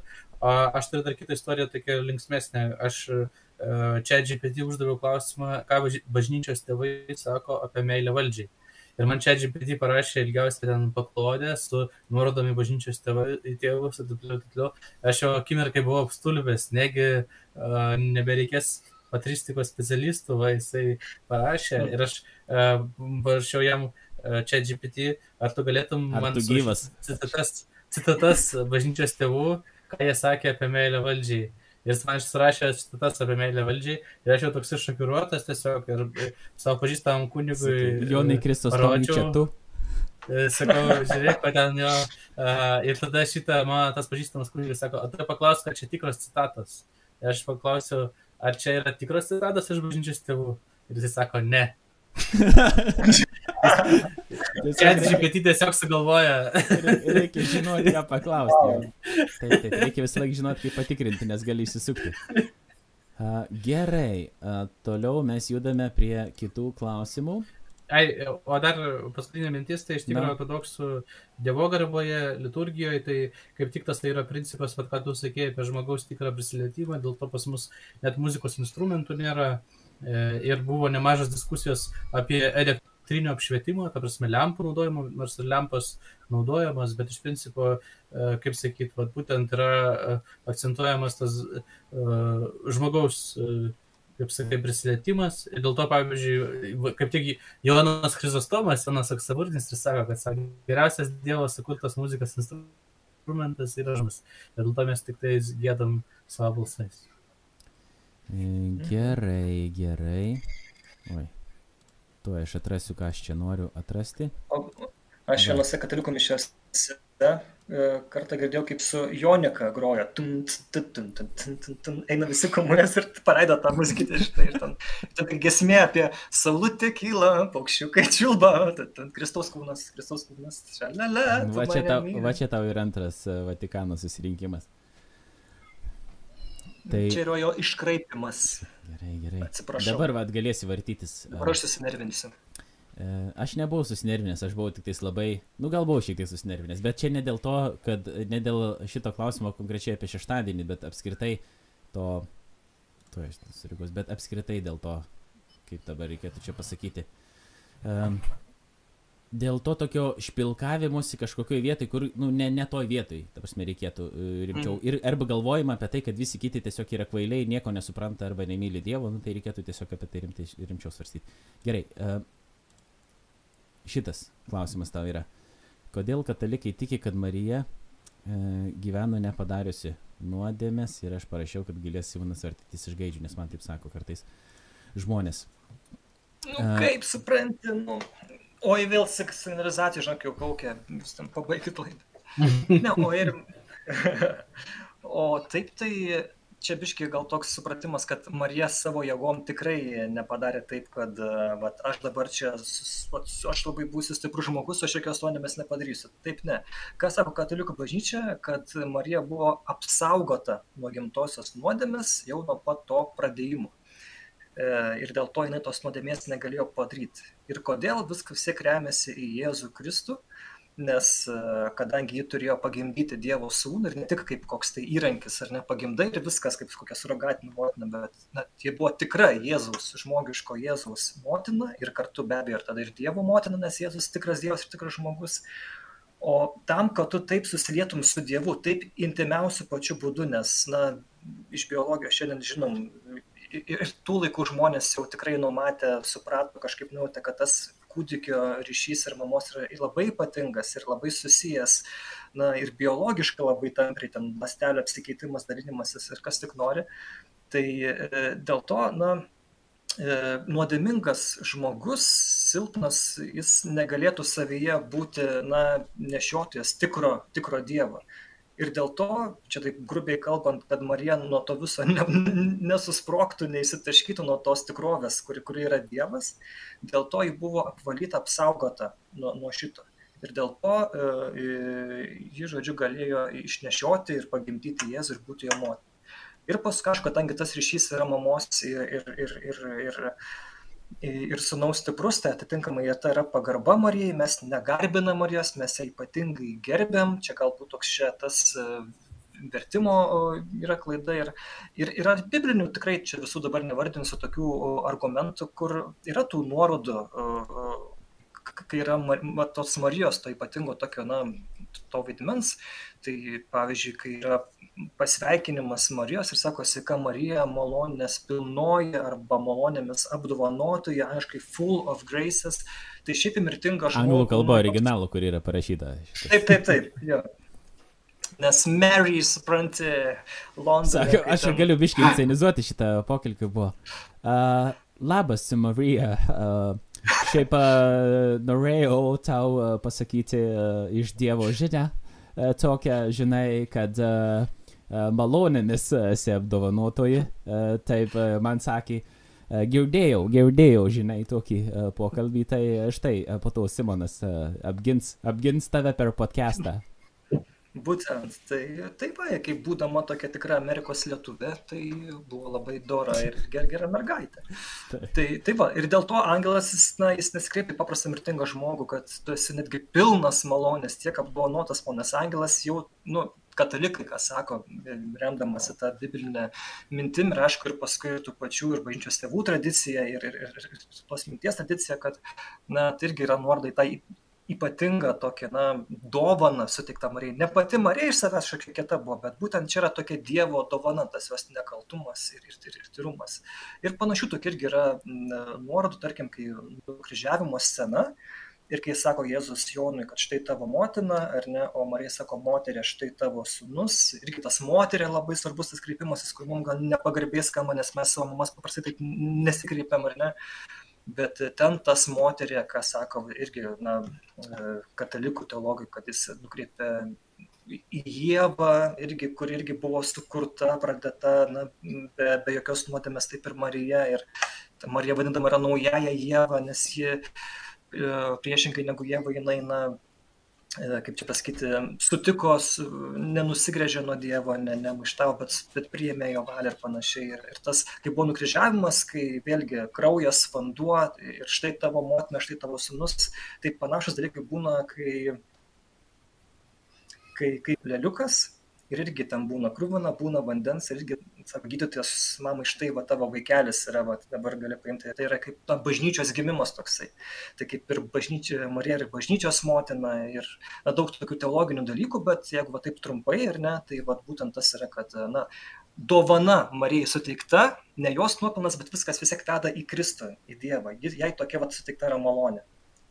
Gerai, kadangi čia buvo klausimas Simonai ir mes tada daugiau jo, kaip sakyti, neužversim diskusiniais klausimais papildomais ir ne, negvildensim šitos diskusinės e, temos toliau, kurią būtų galima gvildenti, nes e, vis dėlto pozicijos čia e, vienose, kitose vietose išsiskiria.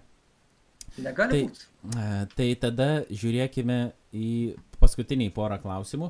Vieno, vieną klausimą paklausė labai rimto ir sunkaus iš tikrųjų Arnoldas, bet pabandykim atsakyti irgi kiek įmanoma trumpiau, tai e, klausė apie savižudybę, ar tikrai tas, kuris žudosi, e, keliauja tiesiai į, į pragarą, ar į velnio glėbį, ir ar Dievas gali jam parodyti e, malonę. Tai aš manau, kad galbūt gintarui čia galima geriausiai deleguoti šitą klausimą, jeigu suklysi, tai mes tave pataisysim. Jeigu labai paprastai, ar ne, vat, savižudybė, savižudybė nelygų. Dėl to, kad viena vertus gali būti savižudybė, kuri priimama visiškai blaivaus proto, remiantis savo tokiais filosofiniais ir požiūrio į gyvenimą įsitikinimais. Tai pavyzdžiui, vakarų kultūrai buvo stoikai, kurie sakydavo, kad geriau yra nusižudyti, negu gyventi be garbės, neoriai, geriau nusižudyti.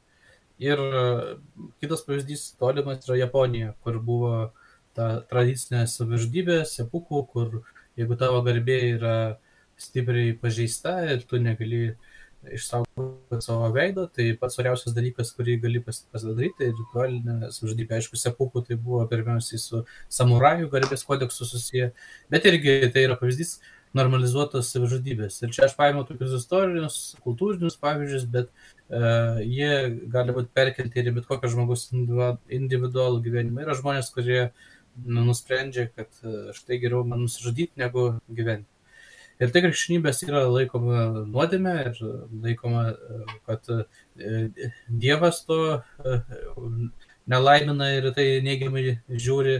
Ir priežastis tam jeigu pažiūrėt kiekvieną savižudybę atskirai, yra akivaizdi dėl to, kad iš tikrųjų taip atrodo, kad žmogus bet yra, žmogus nėra koks skirtumas, bet kaip Hemingvėjus, kam gaudžia varpai, prasideda knyga, ne, ne vienas žmogus nėra sala, Kiekvienas žmogus yra didelio kontinento dalis ir kiekvienas žmogus yra susijęs su kitais žmonėmis.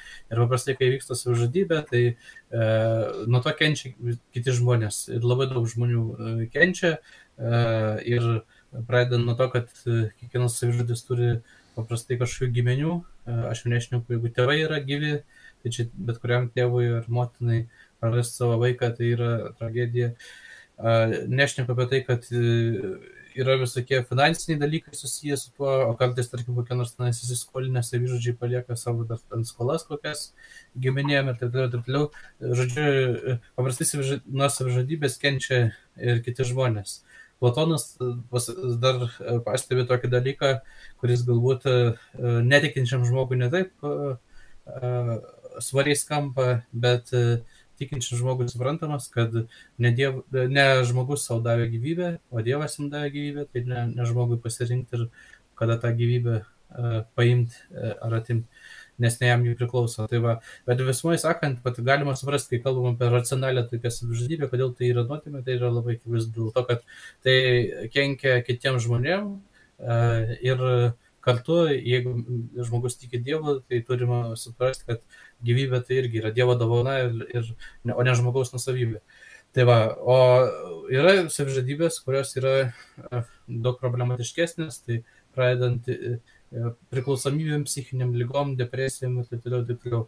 Nes jeigu kada nors teko bendrauti su žmogum, kuris turi kokią nors ten šizoidinę uh, diagnozę, tai galima išgirsti iš tų žmonių, kad kartais, pavyzdžiui, būna taip, kad jie uh, tarsi uh, jiems dinksta, taip sakant, sąmonė, e, jie lyg ir veikia, gali būti, kad net kažkokį peilį paėmė, susipjaustė, o paskui e, staiga prabudo sąmonė, liktais po, e, kai, po, lyg po miego, kai tu nieko nesapnavai, tiesiog pabudai ir va, ir jie žaizduoti, prabunda ir, ir, ir kaip sakyt, ir, ir uh, jie neturėjo jokio pasirinkimo ir panašiai, ta prasme, aš čia kalbu apie žmogų realų, pavyzdžiui, kuris man tai pasakoja, jisai e, gyvas, viskas jam gerai, bet ta prasme, jam būna va, tie epizodai ir jisai e, jų neatsimena, jisai jų nekontroliuoja ir taip toliau, taip toliau. Yra tokios psichinės būklės, yra įvairios lygos ir panašiai. Yra ir, sakau, gilius depresijos, kai žmogus galbūt ir iš esmės samoningas yra, bet jam labai yra sunku kažkokius racionalius pasirinkimus daryti. Ir e, šios, šie du savižudybių tipai negali būti e, pastatyti vienas šalia kito. Turiu menį, kad va, būtent e, va, tos racionalios tokios vertybiniai pasirinkimai ir tada, kai žmogus kenčia ir galbūt neturi to visai laisvo pasirinkimo. Ir apskritai, va, moralės tas visas klausimas yra susijęs glaudžiai pirmiausiai su laisvu pasirinkimu. Tai štai, kai kalbam apie tai, kas ten keliauja į pragarą ar nekeliauja į pragarą, aišku, turim irgi suprasti, ne, kad pragaras tai yra daugiau negu šiaip e, ten įsivaizdavimas toks stereotipinis, kad ten uh, katilai su uh, burbuliuojančia smala ir, žodžiu, liepsnos, bet pragaras tai bendrai pasakius, tai yra tokia būklė nu, kančios ir nutolimo nuo Dievo maksimalaus. Ir kai kalbam apie pragarą, tai jeigu žmogus miršta su sunkia nuodėmė, jis keliauja į pragarą, kitaip tariant, jis yra atsiskyręs nuo Dievo, nes pati nuodėmė jie atskiria nuo Dievo. Bet kuri nuodėmė sunkiai atskiria nuo Dievo. Tai štai, kaip sakiau, turim turėti omeny, kad negalim šitų dviejų tipų statyti e, šal, vienas šalia kito, lyg tai būtų vienas ir tas pats, bet jeigu žmogus va taip racionaliai uh, pasirinko, tai jisai to savo racionalių pasirinkimų save atskiria nuo Dievo. jau šitame gyvenime ir tai turi ir amžinybei pasiekmių. O kitaip tariant, nesižudykit, e, Dievas jumis myli, atėjo šitą pasaulį, kentėjo, mirė už jūs, kad jums mirti nereikėtų, tai meilė tik e, jo primkit, na aišku, labai sunku yra, be abejo, kad gali būti sunku, nes tas žmogus, kuris jau planuoja ar svarsto apie savižudybę, jam yra sunku, tai e, reikia viltis tiesiog, kad ir galutinė pagalba Dieve ras, ir aplinkui esančių ir žmonių, ir palaikymo, ir, bet, nu, tikrai tas savižudybės klausimas absoliučiai nieko nesprendžia, tik sukelia dar daugiau skausmo visiems.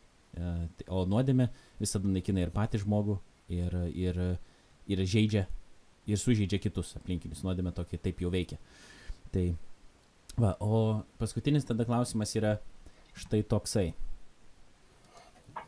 Ko kiekvienas palinkėtumėt kiekvienam? Tai turi būti suosmentas konkretus palinkėjimas. Jonas. Čyvas rašo, linkėjimai tau Jonai irgi, linkime tau toliau nenustoti e, sekti ir komentuoti ir pasisakyti įvairiais klausimais. Tai gerai, bandykit linkėti. E, jeigu nesat sugalvoję, aš kadangi žinau tą klausimą, mačiau anksčiau, tai galiu, galiu palinkėti jums ką nors. Tai pradėk. E, gerai, ne, pasistengsiu nesakyti nieko tokio na, įžeidžiančio, kad žinai, būna palinkėjimai tokie, kur tipo tu uh, linki, bet tipo iš tikrųjų nori tą žmogų sukritikuoti, jam pasakyti kažką, kad jisai pasielgtų kitaip tai negu kad nori. Linkiu atrasti tikrąjį tikėjimą. Linkiu šnekėti taip, kad nepražiūrėtum tai burnos labai stipriai ir linkiu dažniau lytis dantis. Tai, bet šiaip, ne, tokia suasmeninti. Suasmeninti. Linkiu nebūti tokiu subingalviu. Tiesiog va taip pat norėčiau palikėti. Ne, tai jeigu rimtai, kas man atėjo dabar į galvą per tokį neilgą mąstymą, suosmenintus tokius palinkimus. Tai pirmas, Simonai, aš jau tavęs su tai sakęs, aš iš tikrųjų manau, kad tu turi didelį talentą e, kalbėti ir rašyti. Ir aš norėčiau tave matyti vėl tokiam panašiam ampluo, yra toks žodis, netgi buvo tokia lietuviška muzikos grupė, aš atsimenu, ne, nežinodavau, ką tai reiškia, bet... Ką jie dainavo? Neatsimenu. Apie Simoną kažką matyt. E, viena daina buvo tokia. Simonai, Simonai bendžiau. Tai, o šiaip, jo, rimtai, noriu te, norėčiau tave matyti, galiausiai vat, kažką darant, nušviečiant um, pasaulio įvairius įvykius iš krikščioniškos perspektyvos ir išnaudojant uh, savo talentus panašiame ampluo, kaip tu jau buvai, atrandant savo nišą ar pačiam kažkaip sukuriant, nes tavęs tikrai yra uh, įdomu klausyti. Ir uh, kai klausydavau Bernardinų, nu, tai taip pasakysiu, kol tu buvai ir vedėjai Bernardinų paklaustus, tau klausydavau, o dabar nebeklausau, nes aš klausydavau dėl, nu, iš principo dėl tavo vedimo.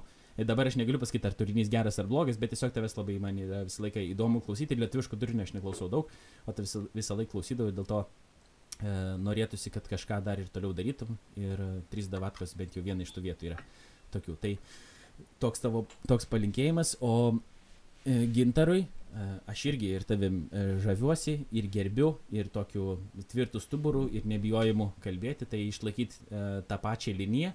Ir toliau, nu, kaip to man toks palinkėjimas irgi tiesiog nie, niekur nenu, nedingstant, nenukrypstant, toliau tiesiog uh, gilinant žinias, jas pristatyti populiariai visuomeniai tiek apie ortodoksiją, kadangi tai turtina mūsų tarp konfesinį supratimą, tiek apskritai apie, uh, apie krikščionybę, nes tu esi vienas iš tų balsų, uh, kurie yra pakankamai garsiai girdimi, niuansuoti, e, tokie ne, nes, nu, neieškantis sensacijų kažkokių, tai aš irgi labai džiaugiuosi tave pažinodamas ir linkiu su toj pačioj linijai toliau aukti. Tai va, mano tokie palinkėjimai. Tai aš galėčiau, tai mano tokie panašus yra iš tikrųjų. Irgi sugalvok originalaus, kad nors. Nu tai ką čia originalaus, tai uh, nu vienas palinkėjimas toks slaptas žodžiu kad viskas ten pavyktų ir pasisektų kas turi pavykti ir pasisekti ir kad ten dievas tai globotų o kitas labai irgi panašus kad tavo būtent talentas kalbėti, aktualias temas daryti, būtent apologetinį tą visą lauką plėsti ir būtent Šekma, tą... Sekmadienį švesti labai gerai irgi. Taip, taip, taip, taip, taip. Ta kokybišką turinį, kuris yra labai unikalus tikrai, apologetika LT, tai yra tavo mielas žiūrovai ir klausytojų medus tavo ausims. Gal ne, jeigu medų teptum ant ausų, gal ne kažkas būtų, bet esmė yra tikrai labai geras turinys, labai reikalingas.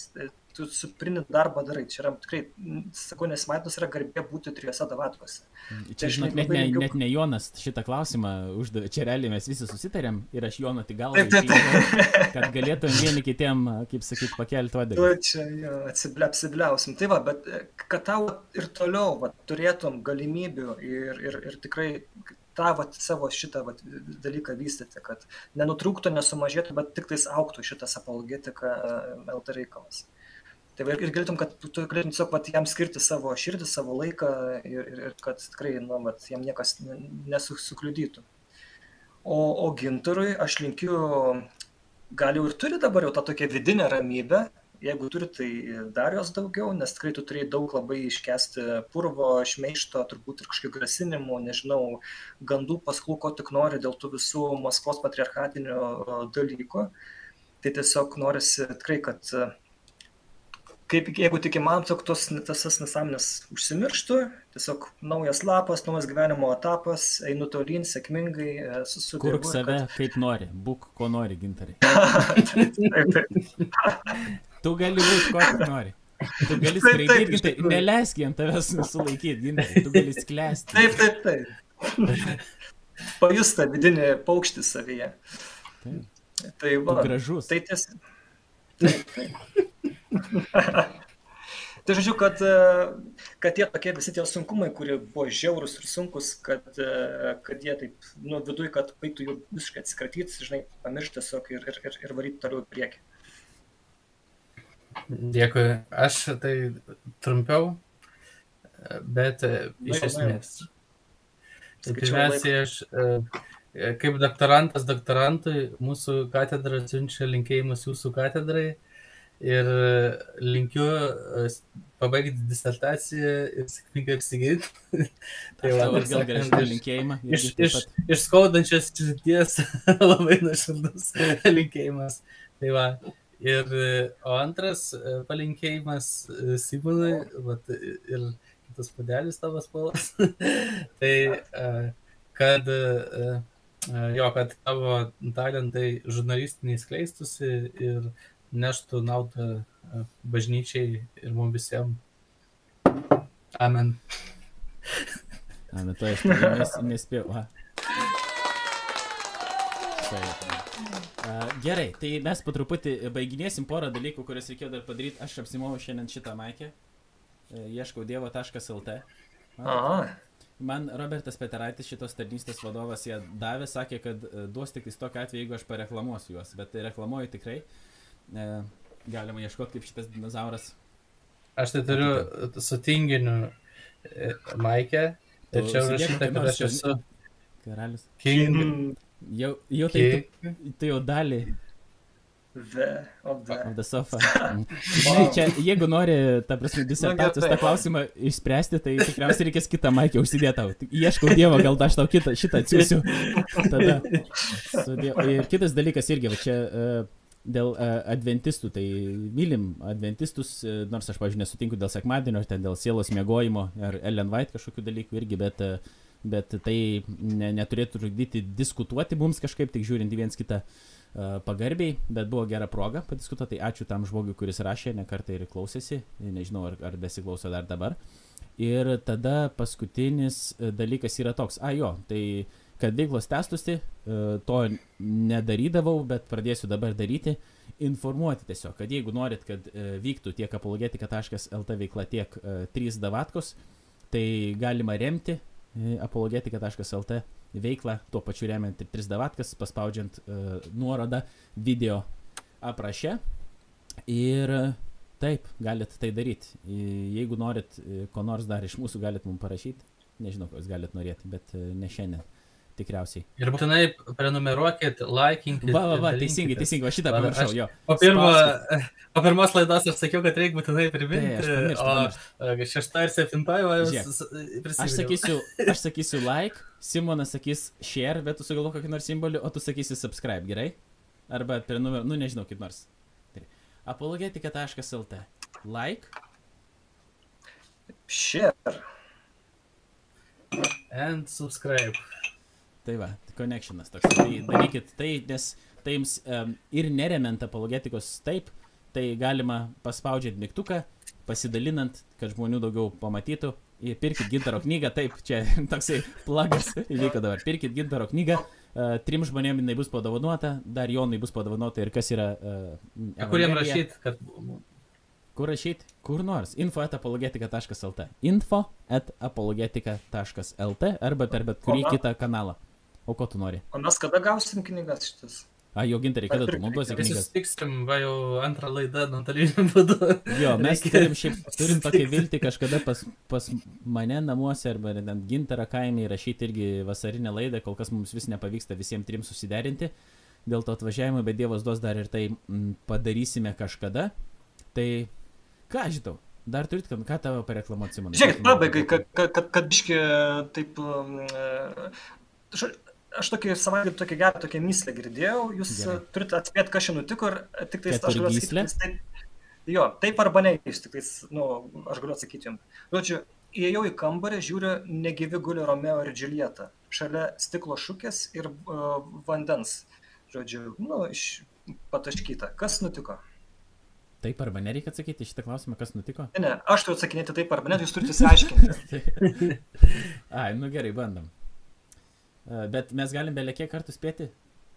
Jo, jūs užduokit klausimus apie tas detalės, žinai, ten. Žiūrėk, aš tai, tai kaip tu apie traukinį atsakinėjai, aš taip galiu atsakinėti. Pirmiausia, aš paklausčiau, ar aš esu ko nors dėta šitoje situacijoje. Ne, Ar aš užmušiau juos? ne, Ar tu užmušiai juos, Simonai? ne, ir tai nėra svarbu, kas užmušė. Ar traukinys juos užmušė? Ne, Nu, gintarė, Ar aš čia e, nusinuodijo? ne. Bet gerai, klauskit apie mirties priežastį, čia labai gerai. Mhm. Ar jie... Ar... gerai. Ar mirties priežastis susijusi su stiklu? Taip, e, Jie dalyvavo, ar jie dalyvavo stiklo valgymo varžybose, norėdami pasirodyti prieš savo vaikus arba savo sunienus ar, ar dukteriečias, pavyzdžiui, kaip suvalgė stiklą ir po to prisivalgė jo ir, ir numirė. Skamba labai konkrečiai kažkodėl tai. Aš ten buvau.